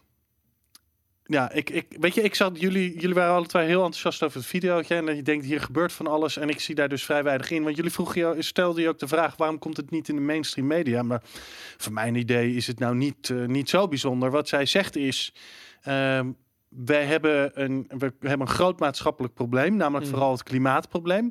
We hebben nu ook nog eens corona gehad, wat een hele hoop eh, ongelijkheid eh, heeft gecreëerd. Corona heeft geen ongeluk uit. De geldprinterij heeft ongeluk. Maar goed, oké. maar ik denk dat zij het wel in ieder geval zo, eh, zo ziet. Dat zou je kunnen beargumenteren wat jij zegt. Ehm, daarbij zijn natuurlijk ook nog eens een keer een hele hoop schulden opgelopen in, corona, in coronatijd. Ehm, en ja, we- weet je, we zien een recessie die, of laten we zo zeggen, we hebben een economische terugzakking gezien die in zijn snelheid en grootheid ongekend is sinds eigenlijk de Tweede Wereldoorlog. Mhm. Zover ik, eh, zover ik weet. Ja. En zij zegt eigenlijk: het wordt tijd dat we met z'n allen de koppen gewoon eens weer bij elkaar gaan steken en nadenken over ons eh, monetaire en financiële systeem. Ze zegt dat toch niet en dit soort zomaar? grote de- maatschappelijke problemen. maar dit is de Nee, maar ze zegt het niet zegt. zomaar. De, de aanleiding is eh, klimaatcrisis Nee, en de aanleiding niet. is de coronacrisis. De aanleiding is dat de, dat de dollar, dat de schuldencrisis, want dat is wat het werkelijk is. Niet Ja, meer maar zo, ja, maar zo ziet. Ja, Ze zegt het niet, maar dat is toch de truc om daar nou, een beetje de heeft het wel over, ze heeft het wel over, over schulden ook. Maar zij ziet vooral de aanleiding om dit te doen. één, de klimaatcrisis. Twee, de coronacrisis. Wat heeft dat klimaat ermee te maken? Ik bedoel dat zij, ik, ik snap En wel. dat zei Bretton Woods 2.0. Zij heeft iets heel anders in gedachten dan eh, denk ik wat, eh, wat jullie in eh, gedachten hebben. Ja, nee, ben ik het niet met je eens. Gewoon puur om het feit dat ik denk dat het ontzettend belangrijk is wat mensen die hoog in deze financiële boom wereldwijd, wat die zeggen. En die zeggen altijd, eh, net als Mark Carney, die ehm, eh, in Jackson Hole tijdens die speech voor al die voor, voor, de, voor die hele bankwereld zegt van het is tijd voor een reset, het is tijd voor een central bank digital currency. We horen die central bank digital currency verhalen al eh, serieus al nu al twee jaar lang. Maar er zijn toch altijd mensen die dit soort dingen Ja, zeggen. maar dit dat zijn niet zomaar mensen. drastische hervormingen moeten hebben. Maar niet het dat we- IMF en niet Mark Carney en niet de dat- gouverneur van Ja, de bank. Dit is echt of niet per se de IF. Dit zegt de director van de IMF. Ja, dus één persoon bij Ze IMF. zegt dat niet privé op Twitter. Nee, Oké, maar goed. Er zijn denk ik door de, laat ik het zo zeggen. Er zijn denk ik, als jij 30 jaar geleden kijkt, zul Mhm. je ook eh, ongetwijfeld eh, hoge mensen vanuit de Wereldbank eh, hebben gehoord. Eh, Oké, ik noem een voorbeeld. Amartya Sen, die Mhm. bijvoorbeeld zegt de manier waarop wij dingen doet, doen, moeten gewoon heel erg anders gaan. Dus het idee dat jij eh, dat er mensen hoger op zijn die roepen om drastische hervormingen Mhm. en om instituten aan te passen en organisaties, denk ik niet zo bijzonder. Waar ik je wel misschien gelijk in wil geven, is dat je dit misschien op dit moment meer hoort dan voorheen. Dat zou, dat zou inderdaad, eh, dat zou Ja. inderdaad kunnen. Ehm, maar aan de andere kant, ja, weet je, dat zei Bretton Woods. eh, we need our Bretton Woods. Is meer een beetje, misschien een beetje sensatie en marketing ook eh, wat erbij. is eh, niet komt. sensatie op marketing. Maar goed, Nou, deze anyways, dame misschien wel. nou, ik weet niet. Oké, anyways, eh, ehm, eh, een andere dan. Ehm, Ja. het, was in, het, het was al een tien jaar oude. IMF-coin komt er sowieso ook niet, denk ik. inderdaad. Jullie hadden het over die special drawing rights, toch? Dat is van de IMF, toch? Eh, ja, dat klopt. Of is dat de wereld? Nee, het is de, de-. IMF is dat, ja. ja. nee, dat zie ik. eh, Dat zie ik. Ja, er zijn ongetwijfeld mensen. Ik, ik weet ook niet, eh, want Willem zei dat ook. En ik ben benieuwd waarom hij dat eh, denkt. Maar volgens mij heb jij daar ook onderzoek naar gedaan. Ik heb daar niet per se zelf heel veel onderzoek naar gedaan. Ik weet dat mensen daar het wel eens over hebben, over een global currency. Mhm. Maar ik kan me dat eigenlijk niet zo heel goed voorstellen dat dat eh, zo snel zo- zou gebeuren. Sowieso lijkt het me economisch helemaal niet optimaal om één munt voor heel de wereld eh, te gebruiken. Hè? Dus je hebt in de economische wetenschap het idee van optimal currency areas en dat soort Maar zaken. ik denk ook niet dat dat per se gezegd wordt. Waar, waar, het, waar het om gaat is dat eh, als je centrale banken de mogelijkheid eh, geeft om de, om de, om de geldhoeveelheid ehm, te controleren, maar echt te controleren. Dus niet. Kijk, de Fed creëert de dollar en houdt een beetje bij wat er in Amerika gebeurt. Maar bijvoorbeeld het euro-dollar systeem staat er volkomen buiten. Sterker nog, niemand weet hoeveel dollars er omgaan in het euro-dollar systeem. En dat ehm, eh, die central Ja. bank digital currencies, die gaan dat, gaat dat probleem oplossen. En een ander probleem wat het oplost, is dat die bankiers uit het schreeuwen van ja, we moeten inflatie, we moeten inflatie. Ja, logisch, want ze kunnen die, die, die schuldenberg niet meer, eh, de kosten daarvan niet meer dragen. Als er niet flinke inflatie is. Nou, die inflatie is er niet op dit ogenblik. En eh, ik ik vind dat hij er overigens wel is hoor, maar hij is er niet op de manier zoals zij hem willen hebben, namelijk dat dat geld Nou, maar daar zijn we het over eens. Daar ja, dus dat geld eens. moet, Dat, moet eh, in, dat moet in omloop komen. Je kunt mensen niet dwingen om hun geld uit te geven. Maar dat kan je wel doen op het moment dat je met de central bank digital currency eh, te maken hebt. En je geeft iedereen, eh, weet ik veel, 2000 euro in de maand. En je zegt van als je dat niet voor de 30ste van deze maand hebt uitgegeven, dan eh, betaal je er veel, eh betaal je 10% rente over. Of eh, we- weet ik het, het, het verdwijnt in zijn geheel. Of je gaat allemaal voorwaarden stellen aan waarom dat geld Ik- moet. Ja, alleen ehm, de manier waarop jullie het erover hadden, hè, leek het alsof het een soort georganiseerd collectief idee was achter die central bank digital currencies. Dan denk ik dus helemaal niet. Er Nee, zijn dat is waarom het een nieuw Bretton Woods moet zijn. Ja, er moet over de overeenstemming over ontstaan, hoe dat dan gaat werken. Nou, Oké, maar ik denk dat er een hele hoop verschillende ideeën zijn. Eh, die circuleren binnen centrale banken en daarbuiten over hoe dat eruit zou moeten zijn en de wenselijkheid daarvan. Sowieso is bijvoorbeeld zo iemand als Jay Powell is volgens mij vrij sceptisch over het hele concept van central bank eh, digital, digital currencies, voor zover ik weet. Dat zou ik ook zijn als ik de, de wereldreservemunt o- onder mijn hoede had. Dan wil je, dat daar zou- zit je helemaal niet te wachten op een Bretton Woods 2.0. Maar Dat zou, eh, dat, zou, eh, dat zou kunnen. Dus ja, weet je, dat, dat moeten we nog maar zien. Ik denk dat een hele hoop mensen die bij centrale banken werken, in principe best wel sceptisch over dit idee zou kunnen zijn. Want het systeem. Oh, heb je iemand gesproken die daar sceptisch over is? Want ik vind namelijk zelfs de DNB eh, is aan het experimenteren en is laaiend enthousiast. Ik, ik heb wel mensen die eh, gesproken die hier sceptisch over eh, zijn. en waar zit dat En scepticisme dan in? Omdat je nu een soort van scheiding hebt in de taken tussen centrale banken en banken. En Ja. als jij eh, central bank digital currencies gaat doen, dan ga je, lijkt het erop, een beetje afhankelijk van hoe je het inricht, eh, taken van banken overnemen. En ik weet nou niet. Maar waarom? Dat is een, een dat is een oplossing voor een gigantisch probleem. We hebben in Europa drie banken die op weer- omvallen staan. En niet de minste. Weet je, ik het bedoel, brengt, brengt weer allerlei problemen met zich mee natuurlijk. Zo, nou, goed, oké. Maar, maar dat, eh, Brengt er weer allerlei problemen met zich, eh, met zich mee. dat, dat de, de, de mensen. gaan we alle, alle macht weer concentreren voor je, voor je munt in bij één partij. Dat was nou juist niet helemaal de bedoeling. Dat begrijp ik, maar dat Ja. het niet de bedoeling was, wil niet zeggen dat het niet de bedoeling is. We, we gaan naar een wereld toe waarin ik steeds meer gecentraliseerd wordt. En ik, Ja. ik haat het. En ik ben daarom helemaal geen voorstander van, van, van deze gang van zaken. Maar dit is wel de, de Hm. trend die ik zie ontstaan. We gaan gewoon, en dat is het mooie van Bitcoin, dat is dat decentrale antwoord op die steeds centraler wordende eh, bureaucratie waar we in terecht zijn gekomen. Ja, ik weet niet of het zo eh, simpel is om te zeggen dat de wereld alsmaar meer gecentraliseerd wordt. Want je zou ook eh, in ieder geval sommige dingen tegen. Eh, het, ja, het, het, het Kijk naar onze informatievoorziening, man. Dat die bubbels waar we het over hadden, Ja. waar we in leven. Maar ik, is een direct eh, eh, gevolg van ik die... denk dat eh, die central bank digital currencies in principe in concept niet eens per se zo'n heel slecht idee hoeft te zijn. Maar het is, heeft allemaal te maken met hoe je het implementeert. Volgens mij had de SP, was dat, die het idee had eh, om bijvoorbeeld een, eh, een, een staatsbank eh, op te richten. Waar je dan een soort van depositobank waar je ze dan zou kunnen aanhouden. Er is ook het idee om reguliere banken eh, deze eh, Mhm. central bank digital currencies aan te houden. Ja, en dan moet ik zeggen, zou ik er dan eh, zo ontzettend bezwaar tegen, tegen hebben? Volgens mij kan het wel bepaalde voordelen, voor voordelen bieden. Ik sta ervoor open dat, dat, dat ik het misschien verkeerd zie.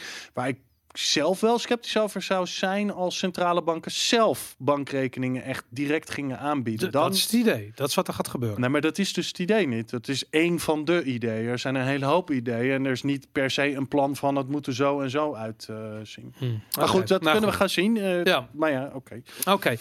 Ehm, om nog even in ieder geval Bretton mijn... 2.0. eh, ja, Bretton Woods 2.0. eh, hoe je het ook bent of keert. eh, het is uitgesproken nu door een aantal belangrijke partijen. IMF schaart zich nu in dat rijtje van de, van de Mark Carney's en de, en de DNB natuurlijk. Heel belangrijke internationale financiële partij. Ehm, maar om nog eventjes door te gaan met dat bullish gevoel. eh Raoul Paul, onze Ja. favoriete ex eh, Goldman Sachs, ex hedge fund manager en natuurlijk oprichter van Real Vision. Eh, die kwam eh, gisteravond op Twitter langs. En eh, we hebben hem al eens eerder bullish gezien. Hij kan er wat van. Hij is eigenlijk, ik denk vorig jaar ergens, ik weet het niet meer precies, is die beetje die Bitcoin rabbit hole ingedoken. En wat ik zo fascinerend vind aan zijn perspectief, is dat hij vertegenwoordigt het perspectief van de financiële wereld. Hij is een ex-hedge fund manager. Hij, zit, hij zal nooit uitgesproken negatief zijn over gangbare eh, financiële systemen. Hij is kritisch, maar hij snapt dat de wereld op die manier werkt. Dus wat dat betreft, zijn perspectief is vrij uniek, vind ik daarin. Zeker op Twitter, waar hij heel uitgesproken is. En hij kwam ehm, gisteren met een tweetstorm aanzetten. Ik weet niet, misschien was hij dronken, misschien niet. Ik weet het niet. Maar uh, hij zei letterlijk: Bitcoin is eating the world. It has become a supermassive black hole that is sucking in everything around it and destroying it. This narrative is only going to grow over the next 18 months. Uh, nou, dan, dan gaat het nog eventjes door. Hij vergelijkt Bitcoin met de Nasdaq. Hij vergelijkt het met de bankensector. Uh, it has already destroyed the banks. Nou, dan heeft hij een prachtige chart laten zien waarin dat inderdaad heel pijnlijk zichtbaar is. Uh, staatsobligaties worden letterlijk het water uitgeknald op Bitcoin. Commodities, nou ja, goed, daar kun je over discussiëren. Bijvoorbeeld iemand als Willem Middelkoop zegt dat er ontzettend veel groei gaat zitten in commodities, dat ze nu heel goedkoop zijn. Um, uh, en Raoul Paul zegt, ja, die zijn uh, in de rearview mirror en heading towards all-time lows. Uh, we hebben het nog uh, over de G4 Central Bank balance sheets. Nou, dat is natuurlijk ook een drama geworden. zilver, goud, Amazon stocks, Apple. Alles, en alles, alles, komt voorbij. Alles komt voorbij. En dan in relatie tot, tot de prijsontwikkeling van Bitcoin. Het is fantastisch. Ik bedoel, je wordt er echt, je wordt er bijna emotioneel van hoe, hoe enthousiast hij dat brengt. Never before in my career have I seen a trade so dominant that holding any other asset makes almost no sense.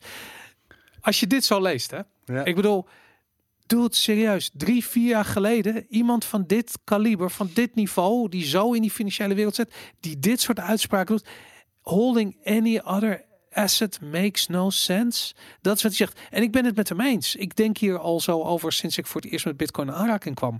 Maar ik had gewoon, ik vind het gewoon fascinerend om het voor mijn ogen te zien gebeuren. Weet je, ik bedoel, ik zie die. ehm, ja, waar het vroeger een soort van toekomstdromen waren. Van ja, het zou kunnen zijn dat het een financiële asset. En als de, de wall of money en weet, weet ik veel wat voor vergelijkingen we allemaal hebben gehoord in het verleden. Het is nu aan het gebeuren. En daarom heb ik ook zoiets van, als jij zegt van ja, 50.000 is belachelijk. Nee man, dit is wat er aan de hand is. Dit is een groep mensen die een eh, hoeveelheid geld vertegenwoordigen in de wereld. Die nu bitcoin aan het ontdekken zijn. En wat ik al zei, die 250 miljard is een, het is een, een druppel op de gloeiende financiële plaat. En hij is gloeiend, want die dollar staat gewoon op instorten. En, onze, en de, de, de euro even hard wat dat betreft. Weet je, de bankensector staat op instorten. Het, er staat ons een, een soort van recessie te wachten, waarvan we nog niet eens een voorstelling kunnen maken wat er gaat gebeuren. En hier komt Bitcoin eventjes links, linksom, langs. eh, begint, ervoor, begint op stoom te komen. Ook werktechnisch goed. Is schaalbaar geworden de afgelopen tijd. Is aan het praten over het uitrollen van privacy features. Is unconfiscatable, kan niet door de overheid afgepakt worden. In een tijd waarin we centralisatie zien ontstaan door de overheid. Waarin we Biden oproept tot betalen van meer belasting. Doet als ik in Amerika zou wonen en ik, en ik zou die pols geloven dat Biden zo meteen gekozen wordt. Hop, in bitcoin, weet je. Fuck it. En dat is, en Ja. ik, bedoel, dat is toch een 1 2 Dat is toch logisch. En hij geeft het hier in die tweets weer. En ik heb echt zoiets van, ik, ik zat het te lezen. Ik had echt zoiets van, damn man, we zijn ver gekomen. Ik, ik vind die rants van jou nog veel eh, indrukwekkender dan die van Raoul eh, Paul. Het is, het is jammer dat je, dat je Engels niet zo vloeiend is als je Nederlands. Alles zou ik dat... Eh, echt, je was gewoon de, de, de nieuwe Raoul Paul had, je kunnen, had je kunnen zijn. nou, Nee, ja, nou, het, wat je zegt, het, het is niet dat ik er het er helemaal oneens mee ben. Even voor de duidelijkheid, ik vind, het is niet per se dat ik 50.000 dollar compleet on, krankzinnig vind. Alleen, ik zie dat alleen allemaal niet zo heel erg snel gaan. Ik denk dat dat een lange termijn verhaal slowly goed. suddenly. En ik denk dat we in dat suddenly Ja, het zou kunnen. domein Ja, beginnen te komen. Misschien nog wel... Zou kunnen. Nou, Maar goed, ik, ja, ik weet je, ik moet zeggen, ja, weet je, bankensector die op instort zijn, ja, dat zie ik dus ook, eh, dat zie ik dus ook niet. Dollar die gaat Nou, vallen nu, dat zie ik dus allemaal niet. de Arno Wellens, Maar- wat hij over, over, de, eh, over Deutsche Bank allemaal heeft uitgezocht. Dat is, ik bedoel, dat is... Ja, dat is één bank. Ja, het is één... Ongeacht dat is niet één bank. niet, dat is dat- ongeveer de, het volledige eh, eh, Ja. GDP van Europa, weet je. Ik bedoel, Ja. die bank is fucking Ik gigantisch. denk dat de bankensector er waarschijnlijk, het lijkt er nu beter voor te staan dan in 2008. Dat betekent niet, Met negatieve rentes in Europa? Ja, hoor. Verdienen die banken hun geld mee dan? nou, met andere dingen. Met die gigantische hoeveelheid rente die jij moet betalen als je daar je, die, die, die, al die, die, Al die bitcoins er al eh, die op bitcoins stort. Ja, Ja. Nee, ik weet het niet. Nee, ja, goed. eh, Het zou kunnen. Ik denk dat hij een beetje meegesleept wordt in eh, zijn euforie. Eh, ik, dit is eh, ongetwijfeld zijn eh, eerste periode waar Zijn Bitcoin eerste, dit... zijn eerste bitcoin bull market. Ja, zijn eerste Bitcoin bull market. En ik denk dat hij een beetje meegesleept wordt. Ik denk ook, ja, ik zeg niet dat hij het bewust doet, maar Mhm. als jij een hele hoop bitcoins eh, hebt en je hebt daar ook je reputatie in geïnvesteerd op de manier dat hij heeft eh, gedaan, dan word je ook heel enthousiast als er iets van blijkt te kloppen. Maar Ja, oké, ik ben, maar, dat, maar dat, ik ben er wel mee eens inderdaad dat dit deze geluiden wat we nu zien dat dat meer voorkomt dan Ja. nou zeker meer voorkomt dan eh, toen ik in 2013 ermee bezig was. Dat, dat klopt wel inderdaad. Hè, Wat van de andere berichten die we vandaag ook gaan zien van DBS en zo. Ja, oké, dat zijn wel vrij. Dat is wel echt nieuw. Maar nou, goed, eh, dan nog eentje. ja. JP Morgan. Jarenlang. Ja, jarenlang de, de, de, de, de, hoe noem je het? De, de, de, de grootste bitcoin-haters daar. Nou, Jamie Dimon vooral. Hè? Ja, Jamie daarom. Dimon. Maar hij heeft letterlijk gezegd van als er iemand bij mijn bank zich bezighoudt met bitcoin, dan ontsla ik hem op staande Ja. voet. Dat heeft hij gezegd. Ja, hij, heeft gezegd, hij heeft ook gezegd dat het fraude is. hij heeft zijn eigen dochter eh, ja, eigenlijk niet zo heel mooi gepresenteerd. eh, want die was aan het investeren. Hij zei, ze heeft geïnvesteerd in bitcoin, prijzen omhoog gaan. Nu denkt ze dat ze een genie is. Nou, Ja. als je dat over je eigen dochter zegt, dat...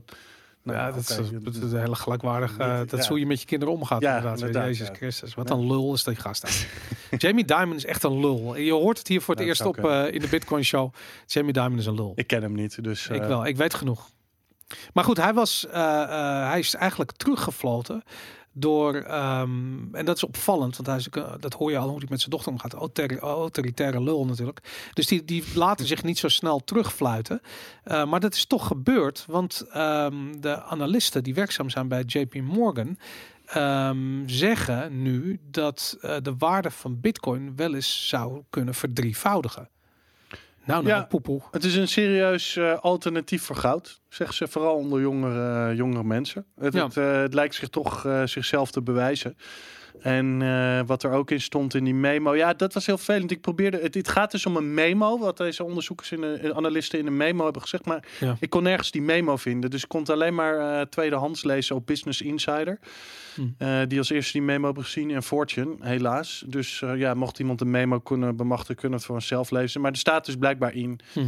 Dat ze ja, vooral ook het PayPal nieuws als eh, toch wel behoorlijk eh, indrukwekkend eh, zagen. En dat het zichzelf gewoon lijkt te bewijzen. Oké. Ja, dus Mooi, Het is nou. best wel bijzonder dat JP Morgan dat zegt. Dat had, had je inderdaad in 2013 nooit kunnen voorstellen. Dat. JP Morgan zegt Ja, dat ja. Bitcoin zichzelf aan het bewijzen is. Ja, dat betekent dat Jamie Dimon natuurlijk zelf ook al lang de Bitcoin Standard heeft gelezen en een paar satoshis heeft aangeschaft. Ik weet niet of hij dat heeft gelezen, maar hij zal.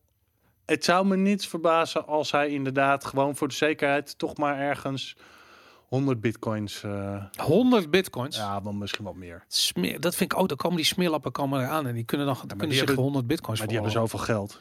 Ja, daarom. Dat zei Willem Middelkoop toch ook in jullie interview. Ja, Kijk, eh, dus die komen dan hedge fund managers en zo, zo'n Raoul Paul. Ja, die, die, die hebben zoveel geld. Die kunnen makkelijk eh 100 bitcoins, eh, ook met deze prijs, 200 bitcoins, 300 bitcoins eh veroorloven. Nou, 23.500 bitcoins. Dat is wat, eh, hoe heet het, ehm, MicroStrategy heeft gedaan. Dus dat is inderdaad... eh, Ja, oké, maar goed, dat ja, oké, ja, maar dat is niet als persoon, dat is als Nee. een eh, bedrijf, ja. Inderdaad. Goed, eh, de, de DBS Plans. Ik wist niet dat er een bank was die heet DBS. Ik vind Ja. het een mooie naam. Er is een bank die heet DBS, ja. Ik weet eigenlijk niet waar het voor staat, maar het De is groot. Bitcoin Show staat het voor. Oh ja. We hebben gewoon onze eigen bank. Ja, we hebben onze eigen Ja. banken in Azië. Eh, ik ken de bank niet, maar eh, eh, wat, wat, wat hebben ze gedaan?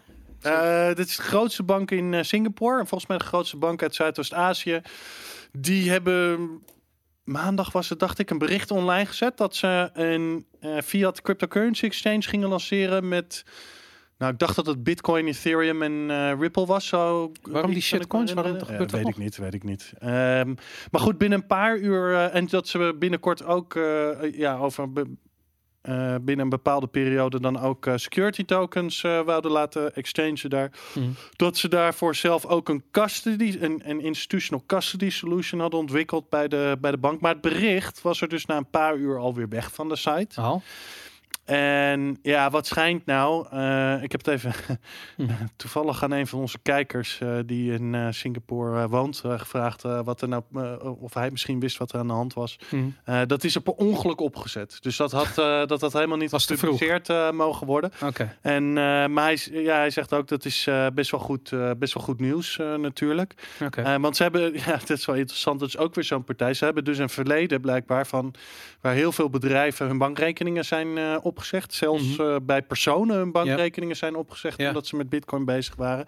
En het schijnt zelfs zo dat ze Coinbase hebben geweigerd voor een eh, bankrekening Wow. bij deze, bij deze bank. Maar die hebben dus nu een, eh, een soort van 180 eh, gedraaid.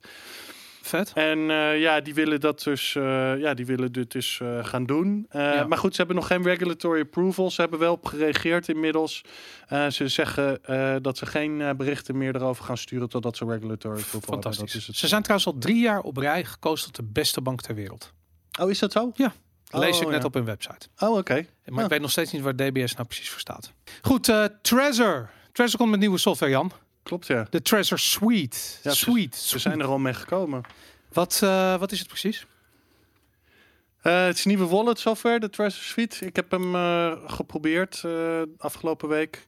Ja. Eh, en het is ook beschikbaar als desktop wallet. Dus je hebt nu, als je een Trezor gebruikt, heb je die plugin. op, Dus je hebt niet meer die. Ze had altijd een web, web wallet, een webapplicatie. Je moest gewoon naar een website gaan. je- oh ja, ja je, moest naar een, je moet naar een website gaan, inderdaad. Ja. En dat is nog steeds zo? Eh, nee, ja, nog wel. Eh, maar dan langzaam willen ze dus deze desktop wallet. Volgens mij kun je hem ook als plugin eh, voor je browser of zoiets gebruiken. Oké. Ja, en dat, dat is, heet dus Treasure, Treasure Suite. En kun je, want ik moet je eerlijk zeggen, de web wallets, daar word ik niet heel blij van. Klinkt Mm. een beetje zoiets als wat we vroeger met Electrum en zo had je dat soort, dat soort shit. Ik weet niet eens, maar heel lang geleden gebruikte je dat soort dingen heel veel. En Mhm. eh, niet Electrum, ik bedoel iets anders, maar ik kom even niet meer op de Mycelium, was dat het? Ik weet goed, ik ik- heb Mycelium nooit gebruikt. Nou. Maar goed, er is nu dus een desktop applicatie die je kunt gebruiken. Kan die met je eigen node connecten? Nou, zal ik even opnoemen wat er, Ja. eh, wat er allemaal gedaan is? Ja. Ehm, want eh, het is trouwens een beta-versie. Dus verwacht in januari met, met een release te komen. Maar dit is, dit is dus nu een beta-versie. Ja. Ehm nou, één, eh, ze willen, het, ja, ze, de- ze zeggen dat het de huidige veiligheid eh, verbetert van de wallet. Mhm. Ehm, de design is vrij prettig trouwens. Ja. van, de, van de wallet. Ja, ik heb zelf mee zitten spelen. Ik moet zeggen dat ik hun oude design ook wel vrij prettig vond. Oké. Maar qua dingen die het doet, lijkt, is het nog niet zo heel erg verschillend. Maar er zitten dus wel allerlei plannen aan te komen. Nou, een Ja. van de dingen die je zei, Mhm. eh, die komt er dus aan. Waarschijnlijk ergens volgend jaar. Dat je bij wijze van spreken gewoon een IP-adres met een poort kunt intypen en een connectie kunt maken met je eigen full node.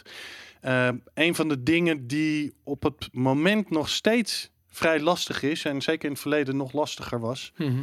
eh, weet je, we hebben het altijd over Bitcoin dat je je eigen full node moet draaien en dat je een hardware wallet eh, moet eh, doen. Mhm. Eh, maar die twee dingen met elkaar combineren is nog best wel lastig. Nou. Nou, vind ik wel. Ja? Ja, want je, wat, zijn, wat zijn je opties? wat zijn je opties dan? Wasabi. Ja, oké, maar dat is, ook, dat is ook vrij recentelijk. Nou ja, nee, dat bestaat al een jaar volgens mij. Maar, maar anyways, dat, dat, ja, ik vind dat zij een eh, definitie Nee, hebben is, oké, wacht, laat ik het anders zeggen. Laat ik het Mhm. anders zeggen. Ehm, het is niet. Trouwens, is sowieso volgens mij de Trezor en Wasabi link momenteel gebroken. Of hebben ze dat inmiddels? Nee, dat, dat is gefixt. Maar gefixt. wat je hebt is dat eh, ehm, Wasabi is BEG 32 only. Mhm. En eh, dat is, laat ik zo zeggen, als jij nog satoshis hebt staan in andere soortige adresformaten, herkent Wasabi dat niet. Oké. Dat is de enige wat je nog hebt. Nou, laat ik het zo zeggen. Het is niet voor de hand liggend dat als jij een wallet hebt en je hebt een full node, dat je ze kunt connecten. Eh, dus dat, dat zit niet standaard overal, eh, zit niet standaard overal ingebouwd. Mhm. Ehm, sterker nog, eh, ja, weet je, de, de beste manier volgens mij de afgelopen, afgelopen jaren is gewoon geweest via een Electrum server. Eh, dus je eh, hardware wallet of nou je Trezor of je Ledger is. Ik weet trouwens niet of, ja, het zal ongetwijfeld compatible ook zijn met Ledger, Electrum en dan een Electrum server en via Electrum server connecten met je, met je full node. Mhm. En het was helemaal niet zo eh, voor de hand liggend om, eh, ja, om, om wallet zomaar, dat je zomaar een wallet kon connecten met een, met een full node. Terwijl dat, ja, dat zijn wel twee mantra's die Maar we dat hebben. is Je nog, hardware. nog steeds niet zo. Laat ik zeggen. Ik Nee, bedoel- het is nog steeds niet zo. Dat is wat ik bizar, bedoel. man. Dat is wat Dat ik is- bedoel. maar ik vind dat echt bizar. Want ik, als je kijkt naar bijvoorbeeld naar mobile wallets, daar is het de standaard geworden inmiddels. Dus ik bedoel, Hmm. van Phoenix... eh, Een Zap bijvoorbeeld kun je Ja, Zap is een Lightning. Ja, natuurlijk. Ja, Phoenix ook natuurlijk. Maar eh eh, eh, ja, is- Zap is natuurlijk echt een, een- bijna een soort interface voor je Lightning eh, node. Dat is denk ik misschien iets anders. Maar Samurai bijvoorbeeld ook. Die Mhm. connect ook over Tor met je eigen node. Of Mhm. eh, ja, met je eigen Samurai server. Ehm, Ja, ik heb Samurai tijd niet gebruikt, dus ik weet niet precies hoe dat, hoe dat werkt. Maar goed, ehm, maar ja, dat zijn geen hardware wallets. Nee, maar wat ik bedoel te zeggen, het zijn Kijk, dat bedoel ik te interfaces zeggen. naar je hardware wallet. En dat, dat, dat is eigenlijk wat waarvan ik zoiets heb van dit. Dat, dat weet je kunt je green wallet volgens mij. Ik weet het niet 100% zeker, maar ik dacht dat je je Trezor ook gewoon kunt benaderen via je green wallet. En je green wallet is. Ah, hangt ook weer allemaal van. Niet in ieder geval via mobiel. Nee? Nee, niet voor je Apple. Nee, want ik heb, dat, eh, ik heb daar ook naar zitten, zitten kijken, want ik heb toevallig een Apple product. Een iPhone bedoel je? Of Ja. een- Oké, en dat werkt iPhone. niet? Ja, dat kan ik voorstellen. Ik kon er niet achter komen hoe ik eh, dat eh, kon. kon de, in ieder geval, het leek niet mogelijk. Ik heb er naar gekeken om dat op een makkelijke manier te connecten met een full. Interessant, want ik heb, Ja. ik heb een andere Of ervaring. naar Maar een ik heb, hardware wallet ik, qua Android heb ik gewoon een andere Maar goed, die twee mantra's, hè, eh, hardware wallet, full node, die Mhm. twee dingen met elkaar combineren, dat is nog allemaal niet zo voor de hand liggend. Dat is alleen maar met bepaalde software, et cetera. Nou, de manier die bij mij het meest bekend is dan je eigen Electrum server, een Electrum wallet, Electrum wallet connecten aan een hardware wallet. Ja. Je kunt het ook doen met Wasabi. Volgens mij zijn er nu inmiddels, ja, er is het afgelopen jaar, ik weet, daar- had Aaron waarschijnlijk meer over geweten, maar je hebt Mhm. zo'n BIP 174, Uh-huh. Wat daar een soort van standaarden eh, voor neerzet. Ja. En dat is volgens mij redelijk geïmplementeerd. Dat, dat, dat, ja, daar lijken nu een hele hoop partijen te implementeren. Want volgens mij heb je ook, ja, we hebben het wel eens eerder over gehad, maar ik heb hem nog niet geprobeerd. Maar jij volgens mij wel. Spectre. Ja. Ja, die kun je volgens mij ook vrij makkelijk nu connecten aan een full node. Eh, sterker nog, dat installeer je Ja, eh, als extensie van je full node. Als dus dat draai je op de sur op je full node. draai en kun je die makkelijk aan een hardware wallet eh, koppelen? Eh, ja, dat dacht ik wel. Ehm, Ja, absoluut. Sterker nog, je maakt daar multisig setups, multisig setups mee. Ja. eh, waar, je- wat je dus doet met je hardware wallets. Inderdaad. Oké. Ja, nou dus eh, oké, maar goed, dus het wordt dat wordt beter. Mhm. Ehm, maar dat wordt wel exponentieel beter. En ik heb zeker, zeker. Dit Ja. is ook bijvoorbeeld eh, Lily Wallet, hebben we het eerder over gehad. Ook een goed voorbeeld. Dat doet eigenlijk net zoiets. Ja. Ehm, en, en dan vind ik, als je dan dit kijkt, waar ze nu mee komen, dan heb ik zoiets van ja, het is leuk en aardig dat je eigenlijk een desktop applicatie hebt, toch weer acht jaar nadat de Trezor voor het eerst eh, eh, de markt opkwam. Eh, en nog steeds vind ik het niet goed genoeg, want ik kan gewoon niet over Tor met mijn eigen node connecten. En ik heb zoiets van ja, als dat niet kan, dan ben ik wel een beetje klaar ermee. ja, dat kan via Electrum. Niet met, met ja, ja, ja, het snap ik, maar dan niet via deze. Je hebt de Treasure Suite niet voor nodig. Nee, daar heb je de Treasure Suite niet. eh, Kijk, dat is mijn probleem. Ik denk, ah, ik denk oké. dat beginners die een Treasure kopen, die gaan, die gaan dit downloaden en installeren en denken dat het. Maar dat, ter dat- verdediging van Treasure eh, denk ik wel dat Treasure qua hardware voor hun hardware wallet ja, tot wel een van de, de, de, de beste producten is die je kunt eh, kopen. Naar mijn idee beter dan de, dan de meeste andere. ik weet het niet. Ze hebben allemaal hun voor- en nadelen. Wat ik, wat ik, eh, ik vind sowieso de, de, de, de, wat is het, de Treasure One, dat is die officiële Treasure. Dat, Ja. dat moet je niet meer kopen. Als je dat hebt, ehm, Nou, is die oude schakel versie. over naar iets anders. Ja, dat is die oude versie. Ja, dat is echt een probleem. Ik vind eh, eh, de Treasure Model T is iets beter, maar ik vind eigenlijk dat een gewoon ook om typfouten en gekutklooien met, eh, eh, met het invoeren van Mhm. eh, wachtwoorden direct op of, of sheets of weet ik wat direct op het device. Daarvoor heb je gewoon een toetsenbordje nodig. En ik vind dat Mhm. Coldcard op dit ogenblik de enige grote is die dat Mhm. doet.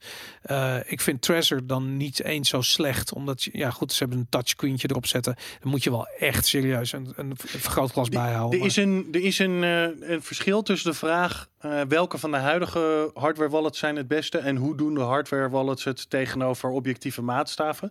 Volgens mij laat de hele hardware wallet industrie eh, naar Ja. mijn idee best wel wat steken vallen qua kwaliteit en hadden een hele hoop mensen gehoopt dat we nu wel in een verder stadium zouden zijn met hardware wallets. Dat is één ding. Mhm. Maar als je dan kijkt naar wat er op de markt is, is naar mijn idee Trezor wel een van de beste producten die je kunt gebruiken. Tenminste, dat is mijn, eh, mijn idee. Het is absoluut. Ik vind die Model T, die Treasure Model T, vind ik echt niet slecht. Dat is echt, eh, zeker als Nee, je beginner bent, is eh, dat een redelijk, prima eh, oplossing. redelijk goed, eh, goed product. Alleen wel, ja, inderdaad, ze komen dan nu, want ze willen dus ook Tor, willen ze dan moet dan ergens volgend jaar. CoinJoin moet ergens volgend jaar. Ja. Connecten met je node moet eh, ergens volgend jaar. Maar ik vind het dat ik, ik, ik, laat ik zo zeggen, ik heb daar moeite mee dat ze die suite lanceren. En ik snap dat het beter is. Ja. Maar ik heb zoiets van: dit is, is een gigantische partij. Weet je, ik bedoel, waarom lukt het, eh, eh, het Wasabi-team om met, met twee man en een paardenkop een wallet te bouwen die al die functionaliteit al dat lang zij heeft? geen hardware, hardware bouwen. Ja, nou ja, goed, Trezor maar, moet ook de je- hardware bouwen. ja, maar ze, ze hebben ook een inkomstenmodel. Ze verkopen ook een product. Ja, weet je, ik, we hebben, ik, ik weet niet welke aflevering het was met Aaron erbij. Ook hebben we een keertje een soort van kwam er voorbij hoeveel eh eh, treasures er verkocht zijn. Dat waren miljoenen. Die gasten hebben serieus miljoenen treasures verkocht. En als je Mhm. kijkt wat een treasure kost, weet je, die, die, die, die, die oude die kost niet van 50 dollar zo, maar die nieuwe, dat is gewoon 180 euro of zoiets, 180 dollar, ik weet het niet. Nee, 100 euro toch? De Trezor eh, T, de laatste model? 100 Die euro. kost echt niet 100 euro. Nee, nee, Nee? no way. Nee, nee, nee. Echt niet. Oh, Nou, het zou kunnen, ik weet het niet. As we speak ga ik naar de eh, website. Ik van- koop die dingen altijd op eBay met een korting. Dus. Ja, daarom. Is de verpakking voor degene die kijken en die grap niet snapte, dat is echt een grap. Dat moet je dus nooit doen. Ja. EBay eh, met korting eh, een, een Trezor kopen. Sowieso zijn er een hele hoop eh, supply chain risico's met al die hardware wallets. eh, maar je loopt het grootste risico als je... Je moet altijd van de partij zelf een hardware wallet kopen. Precies dat. Wat ik Ja, trouwens ook heb met, eh, eh, met, de, met, met Trezor is die, eh, al die support voor die shitcoins erop. Weet je, ik bedoel. Ja, eh, maar dat vind ik ook. Want zij hebben dus, eh, hè, als je dan eh, kijkt, dan, eh, ja, ik weet niet hoeveel er precies op zitten, maar je ziet dan twintig andere coins of zo die je er kan opzetten. En denk ik, ja, dat is dus echt allemaal een beetje verspilling van, eh, van tijd en energie. Ja, absoluut. Ja, maar goed, eh, ja, misschien verkoopt het. Ik, ik, ik weet het niet. Eh, misschien is het financieel wel een interessant doel. Een van de dingen die ze ook zeiden, ja, en dat vind ik dan dus wel weer. Ehm, ze, gaan, ze hebben dus geen plannen om multisig in die Treasure Suite te doen. Ja, maar En- omdat die hele Treasure Suite niet, niet meer relevant is. Nee, maar dan denk ik, ja, weet je, je moet die, dat moet toch wel standaard mogelijk zijn met Natuurlijk. een hardware wallet. Ja, met, maar- maar dat multisig, maar Ik- het komt bij mij echt na eh, eh, de, de full node support en eh over Tor. Eh, maar multisig is de toekomst. En we zien Ja. die tools nu al. Lily Wallet is een fantastisch product. En dat je dan eh, dat je niet. Ja, dus je moet toch een ander, je moet dan toch een intermediary wallet gebruiken als een eh, Electrum of als een Lily wallet. Maar vroeger kon dat niet. Hè? Vroeger was je gewoon veroordeeld tot die, die, die Treasure website. En het, sinds we de support kregen, eerst Electrum, maar later nog eigenlijk elke. Electrum is al heel lang volgens mij. ja, misschien heb je al gelijk inderdaad. Maar, maar in ieder geval, dat, dat, dat is al die wallets, die hardware wallets ondersteunt. Al die wallet software die hardware wallets onder, eh, ondersteunt. Ja. Dat is eigenlijk een beetje de standaard geworden. En ik denk dat Trezor zich realiseerde dat ze hun eh, gebruikers kwijt aan het raken waren. En dat vind ik zo goed aan de filosofie van Coldcard. Die hebben zoiets Mhm. van, wij maken helemaal geen wallet software. Eh, gebruik het lekker met jouw favoriete wallet software. Die, dan kunnen zij zich specialiseren in het bouwen van software. Kunnen wij ons specialiseren in het bouwen van hardware. En op een of andere manier bij Trezor hebben ze gewoon zoiets van, ja, wij moeten alles bieden. We moeten ook duizend verschillende shitcoins moeten we ondersteunen en weet ik wat. Ja, maar het kan ook een beetje afhangen van misschien welk publiek ze zich op aan het, aan het richten zijn. dat is duidelijk. Dat is duidelijk Eh, dat dat de hand als is. Het, als het beginners zijn, dan ja, weet je, dan zit er gewoon ingeprogrammeerd dat zij een connectie maken met hun eh, met de met de met de nood van eh, Ja. hoe even eh, Trezor, sorry, ik wou Tor zeggen, maar dat klopt niet. Hm. Trezor. Nou, daar gaan ze dan maar vanuit als eh, als basisassumptie. Ja. En dan eh, ja, en dan doen ze daar maar wat dingen bovenop zoals Tor en zo om het misschien wat beter wat beter te maken. Mhm. Ja, weet je, misschien hebben die dat wel, misschien hebben die dat wel gewoon nodig. En nogmaals, als je als zo'n bedrijf zegt, kijk, Mhm. stel je voor, hè, kijk, je kunt er wel zeggen, oké, je, je connect dan met een Trezor node, maar in ieder geval weet je dat de node van Trezor is. Dus Ja. heb je nog een, weet je, je hebt een soort van iemand die je kunt aanspreken. Eh, doe dat liever dan dat dat je zegt, eh, nou, eh, gebruik maar wat je wil en mensen gaan Electrum gebruiken zonder Electrum server. Ja. Ja, dan ben je dus nog veel verder van huis. En dan krijg je dus echt hele onveilige situaties. Als mensen op die manier denk ik, hun, eh, hun hardware wallet eh, gaan gebruiken. Dus ik denk zeker als jij... Kijk, Coldcard is misschien toch meer iets voor wat technisch geavanceerde... Dat dat, dat misschien de doel Misschien, ja, misschien wel. Misschien is dat de payoff die je hebt. En dat dat je de payoff is. Ja. En dat je als Treasure Wallet inderdaad moet rekening houden met mensen die misschien wel überhaupt het idee dat ze een hardware wallet hebben en een gigantische enorme stap is, omdat ze altijd op Coinbase hebben gezeten. Ja. Ja, en als je dan ook nog gaat zeggen tegen ze, kies maar je eigen software, ja, dan, dan heb je echt wel kans dat daar problemen gaan, Ja. eh, gaan ontstaan. Heb jij een nieuwe wallet opgezet met, eh, met, die, met die software? Of heb je hem alleen even geprobeerd met een bestaande wallet? Hè? Wat, wat vraag je me nou? Nou, de, het proces van het aanmaken van een nieuwe wallet. Ja. eh, bijvoorbeeld hoe Shamir Secret gepresenteerd wordt eh, als manier om je seeds te backuppen. Bijvoorbeeld. Oh, wacht even. Heb ik, eh, heb ik een nieuwe wallet aangemaakt? Of, oh nee, met eh, gewoon een nieuwe wallet. Ik heb gewoon, ik heb gewoon een beetje mee zitten spelen. Ik heb geen Shamir Secret. Oké, want dat vind ik namelijk echt een meerwaarde van Treasure, dat ze die Shamir Secret ondersteuning hebben. Ja. Ik weet dat Coldcard er ook mee komt in de toekomst. Het schijnt makkelijker te zijn op deze. Het schijnt eh, dat Ja. ze de interface hebben veranderd en dat dat makkelijker eh, schijnt te zijn. Maar goed. Voor de mensen die het niet weten, Shamir Secret is een, eh, eigenlijk een manier om een seed op te splitsen in een X uit Y eh, setup. Mhm. eh, zodat je veilig allemaal eh, delen van je, ehm, van je seed kunt bewaren op verschillende plekken. Zodat je niet risico loopt als er ergens iets kwijtraakt bijvoorbeeld. Ehm, en wat veel mensen deden bijvoorbeeld was een, was een seed in stukjes knippen.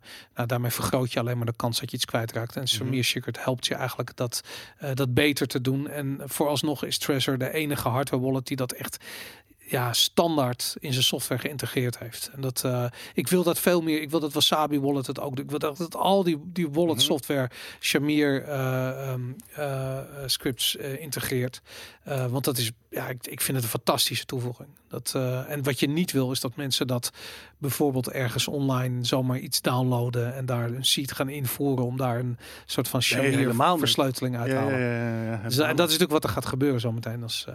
Maar goed, nog even over de prijs. Treasure Model T zonder verzendkosten 178,80 euro. Oh, serieus? Ja. Oh ja. oké. 190 euro met verzendkosten. Dat is wel overigens- Zijn die zo duur? Ja, die zijn eh, ja, bijna 200 euro voor, voor een Treasure Model T. Het is een ik heb dure. zelf wel, maar ik kan me niet meer herinneren. Ja. Ja. nou ja, goed. Aan de andere kant, eh, eh, je denkt het is veel, maar zet er eh 100 euro aan Bitcoin op. En over 10 jaar ben je blij dat je het gedaan hebt. Want dan, dan is. Nou, over tien jaar. je hebt me net zitten vertellen eind 2021, Boris. Ja, oké. Maar goed, ik, ik, ik denk voordat we straks weer gaan, gaan verzanden in deze discussie. Ehm, even kijken. Eh, ja, drama in Bitcoinland. Want eh, een Nederlands echtpaar is veroordeeld tot 2,5 jaar cel. omdat ze handelden in Bitcoin. Hm. Het bedricht wat eigenlijk heel nonchalant eventjes eh, voorbij kwam afgelopen week. En ehm, wat ik er interessant aan vond. ehm, kijk, wat je altijd hebt bij dit soort cases, als dit gebeurt. Eh, dan zijn dit mensen die al, weet ik veel, in 2013 op de korrel zijn genomen. Het voorbereiden van de rechtszaak heeft nog eens een keer twee jaar geduurd. Nou, bladibladibla. Dit zijn allemaal, weet je, Mhm. voordat eh, eh, zo'n zaak helemaal uitgerechercheerd is en alles duidelijk is, zijn we jaren verder. Maar wat ze doen is, ze, ze hanteren de, de, de prijs van die hoeveelheid bitcoins die dan verhandeld zijn. Daar gebruiken ze de dagprijs van. Dus eh, net als dat als ze, weet ik veel, een gigantische drugslading onderscheppen en zeggen van dit is wat de straatwaarde is. Weet je, terwijl dat misschien helemaal niet is wat, hoe dat precies in elkaar zit. Nou, deze mensen hebben niet eh, in het nieuwsbericht staat dat ze ehm, ehm, even kijken, in totaal even snel rekenen 2000, zeg 2400, zeg 2500 bitcoin hebben ze eh, verhandeld. Dat is toch behoorlijk veel. Ja, zeker voor vandaag de dag. Alleen eh, hebben ze eh, uitgerekend dat dat eh, 25 miljoen euro waard zou zijn. Ehm, maar dat was het waarschijnlijk niet waard toen dit plaatsvond. Oh, dat weet ik niet. Ja, dat, Ja. Zou, dat zou kunnen. Ja. Ja. Nou, anyway, wat ik opvallend vind, dit zijn dus gewoon mensen die hebben Bitcoin gekocht en hebben dat eigenlijk gewoon weer doorverkocht. Ehm, zonder KYC en niks niet. Die hebben gewoon afgesproken met iemand bij de McDonald's en eh, hebben cash En ze kochten toch van mensen een hele hoop bitcoin? Ook, het ging Eh, beide kanten op. Oh ja, het ja. ging beide kanten. Ja, dus, dat, eh, dus als jij anoniem bitcoin wilde kopen, nou, dan ging je naar iemand toe die je bitcoin wilde verkopen. En het, het, ik moet je zeggen, ik vind het opvallend dat het gebeurde, maar het is ook logisch dat het gebeurde. En we hebben dit soort rechtszaken in Amerika ook gezien. Gewoon mensen die Mm. in het begin, soms uit enthousiasme, soms gewoon omdat ze een handeltje in zagen, gewoon bitcoins zijn gaan verhandelen. Daar niet bij stilstaan dat je dus ja, eigenlijk witwassen ehm, faciliteert. Want dat is waar ze natuurlijk voor Ja, veroordeeld zijn. mogelijk ver- gefaciliteerd. Ja. Ja. Ik weet niet of ze zijn ze eh, veroordeeld eh, dat ze zich niet aan bepaalde regels hebben gehouden, omdat ze echt witwassen gefaciliteerd hebben. Ehm, nee, ze zijn echt wegens witwassen veroordeeld. Ja, oké, dat, oké, dat het echt, eh, dat hebben ze echt met criminelen afgesproken en daar bitcoins van gekocht, zoiets in die geest. Ehm, ik denk het, ja. Ik denk, laat ik zo Het zeggen. bericht was niet heel uitgebreid. Nee, het, was, eh, dit, het roept alleen maar vragen op. Het is een echt paar geweest. Ze zijn tot 2 en 2,5 jaar cel eh, veroordeeld. Hmm. Ehm, ja, hier staat in het bericht ook weer in 2,5 jaar tijd hebben ze voor ruim 16 miljoen euro eh, wit gewassen. Nou ja, nogmaals, ik, ik, ik weet zeker dat er niet dat soort bedragen in omgingen toen ze dat deden. Ik denk dat dat de dagwaarde is. Nou, maar goed, als het van de afgelopen jaren was geweest, dan was het toch wel steeds behoorlijk veel geweest. Ook al zal- stond bitcoin op 5000 dollar, dan Ja, was toch nog wel behoorlijke bedragen. Ja, ik, ik weet het niet. eh, ja, we weten ik het vond niet. het bericht erg, eh, erg kort. Maar goed, er gaan weer mensen de gevangenis in omdat ze iets met bitcoin hebben gedaan. Ja, er was geen deugdelijke Maar- administratie, is het ten laste gelegd. En eh, Hmm. inderdaad, ze spraken dus af bijvoorbeeld bij een McDonald's. Dat was een... Nou, ik vraag me dan af of ze dan nou opgepakt zijn omdat ze zich gewoon niet aan bepaalde regels eh, hebben gehouden. Of omdat ze daadwerkelijk bewezen is dat ze geld hebben witgewassen voor partijen. Want dat vind ik dan ook nog wel twee even iets andere dingen. Maar goed, eh, ja, dat stond er niet in. Mm, Nee, ja, dat gaan Ja. we niet weten, helaas. Eh. Het zou mooi zijn als dit soort... eh, Berichten wat duidelijker waren. ja, maar ook als er een keer een journalist opduikt en echt uitzocht hoe dit werkt. Eh, ehm, ja, ik ben gewoon heel erg benieuwd hoe ze tegen de lamp zijn gelopen. Ik ben heel erg benieuwd wat nou het businessmodel was. Ja, wa- wat zou jij... Stel je voor dat jij iemand eh, zonder... eh, dat, dat je iemand bitcoin gaat verkopen. Dan moet je toch een gigantische eh, fee bovenop leggen. Wil dat de moeite waard zijn? Weet je, ik bedoel, het risico wat je loopt, weet je. Ik wil je gaat... Ja, lijkt me gewoon... Lijkt me toestand. Ja, ik, ik zou nooit iemand eh, bitcoin Nou, dat bedoel ik, eh, ik ook niet. verkopen. Dus dat Ja. betekent dat moet, dat moet toch. Ja, heel misschien als iemand tegen mij zegt, joh, ik ben wel geïnteresseerd, ik zou wel eens weten hoe ik werkt. Zou ik 50 euro aan bitcoin van je kunnen kopen? Ja, misschien zoiets. Oké, nou hier alsjeblieft, geef maar 50 euro. Nou, maar, en, maar, Maar- maar, ik zweer het je, die 50 euro. Ik bedoel, laten we even. Stel je voor op een dag is dat eh, een miljoen waard. Dan word je veroordeeld 2,5 jaar. Want je hebt geen deugdelijke administratie. En je hebt eh 10 miljoen. ja, maar dat lijkt mij, li- lijkt me een beetje onwaarschijnlijk. Maar- maar eh, dat ben ik met je eens, maar- dat maar- een rechter dat gaat eh, verwerpen. Voor hetzelfde geval was Ja. dat net zo onschuldig. Zijn deze mensen net zo onschuldig begonnen? Ja, maar dat denk ik dus niet. Het klonk niet echt als een bericht van mensen die. Ik, ik, mijn gevoel zegt namelijk dat zij echt voor miljoenen geld wel wetend van criminelen hebben gekocht Oké. en doorverkocht. Maar dat, dat kan zijn dat ik dat verkeerd interpreteer. Maar dat was de indruk die ik kreeg van het bericht. Oké, nou ik zou het Het zou leuk zijn om de details Ja, te zien. ja, ik zou echt een, eh, een, eh, een, een misdaadjournalist hierop willen zien eh, duiken en dit uitzoeken. Want ik vind het heel interessant. Ehm eventjes kijken. Ja, you'll own nothing, Jan. And you'll be happy. Ja. Ja, dat is de titel van deze, deze show ook. Het kwam uit een, eh, een, een videootje wat gemaakt werd door het eh, World Economic Forum. Ja. Die hebben een soort eh, eh, dystopisch toekomstbeeld. eh, schetsen ze blijkbaar elke tien jaar van hoe, hoe gaat het, het komende decennium eruit zien. En dat openen met een, eh, met een jonge man met een vrolijke jonge glimlach. En dan staat de tekst bij: You own nothing and you'll be happy. ja. En dat is natuurlijk binnen de, de, laat ik zo zeggen, binnen de context van tien jaar geleden gaat dit eigenlijk over. Ging toch over de hele sharing economy en zo? Dat, ja, over dat je niet meer een auto hebt, maar een Uber-service Mhm. gebruikt of iets dergelijks. Eh, alleen binnen de huidige eh, eh, soort van dystopische toekomstbeelden die zich aan de horizon aan het, aan Ah, het ja, uittekenen zijn, ehm, is dit, eh, heeft het een andere context gekregen. En dan heb ik zoiets van, ja, het is toch fantastisch hoe, de, hoe communicatie werkt. Weet je, ik bedoel, de Bitcoin community is altijd goed geweest in memes. En gewoon het World Economic Forum, wat zijn eigen beste meme maakt, namelijk You own nothing and you'll be happy. Ja, het is op zich best wel komisch. Ja, het was al best wel oud, het, eh, oud, het bericht. Mhm. En eh, mijn telefoon zit geluidjes te maken. Ik Nou, dat, even uitzetten. dat kan natuurlijk niet. Ik hoorde het bijna niet door de, door de kamer. Oké. Door de headphones.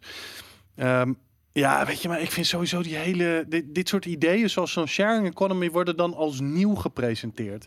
En denk ik, ja, in de jaren 50 had ook bijna niemand zijn eigen wasmachine. Ja, Had je ook gewoon wasmachine. Dus waarom? Omdat de wasmachine te duur was. precies. Dus dat heeft gewoon met te maken dat mensen geen geld eh, genoeg hebben. En dan, eh, ja, of wat voor ook. eh, dat, weet je, liefst zouden de meeste mensen toch wel zelf een auto bijvoorbeeld willen hebben. Waarom, ja, waarom doe je mee in een green car? Ja, omdat je geen parkeervergunning kan krijgen in Amsterdam. Omdat de autobelastingen gewoon veel te hoog zijn. ja, daarom. Weet je, het idee dat, dat huis wat je niet hebt, you'll be happy. Jan.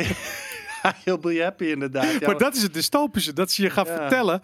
Dat, is- luister, die shit die jij wil, die kan je niet meer betalen. Ja. And you'll be happy. ja, zo, zo, zou, zo hebben ze het natuurlijk niet helemaal bedoeld. Maar Waarom is het niet zo bedoeld? ik Want denk dat- serieus- Hoe denk je dat het dan bedoeld Nee, maar ik denk serieus de- soms wel eens. En dat, eh, ja, daar, daar kan ik me soms best wel een beetje boos over maken. Zo'n slogan als deze, Ja.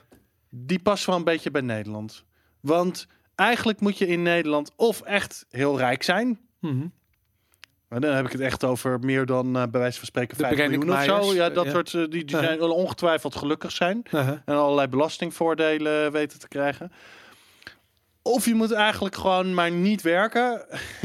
en jezelf in de schulden steken of iets dergelijks. Eh, want ja, nou ja, goed. eh, dan eh, hè, word je ook eh, redelijk ondersteund eh, door onze overheid. Ja. Maar als jij als twee verdienend gezin, zeg maar, samen met, ja, met elkaar ergens tussen de 50 en de 100.000 euro per jaar eh, verdient. Uh-huh. Dan ben je volgens mij het slechtste af. Ja. Dat, dat, dat, dat, dat zijn de mensen eigenlijk die het slechtste af, af zijn, volgens mij.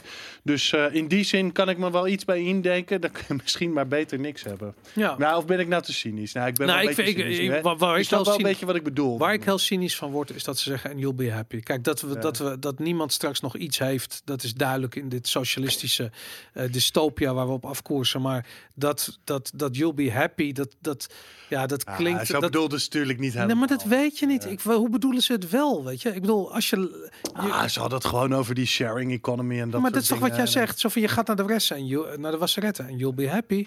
Weet je, dat Nou, is die... misschien dat zo'n wasserette best gezellig kan zijn.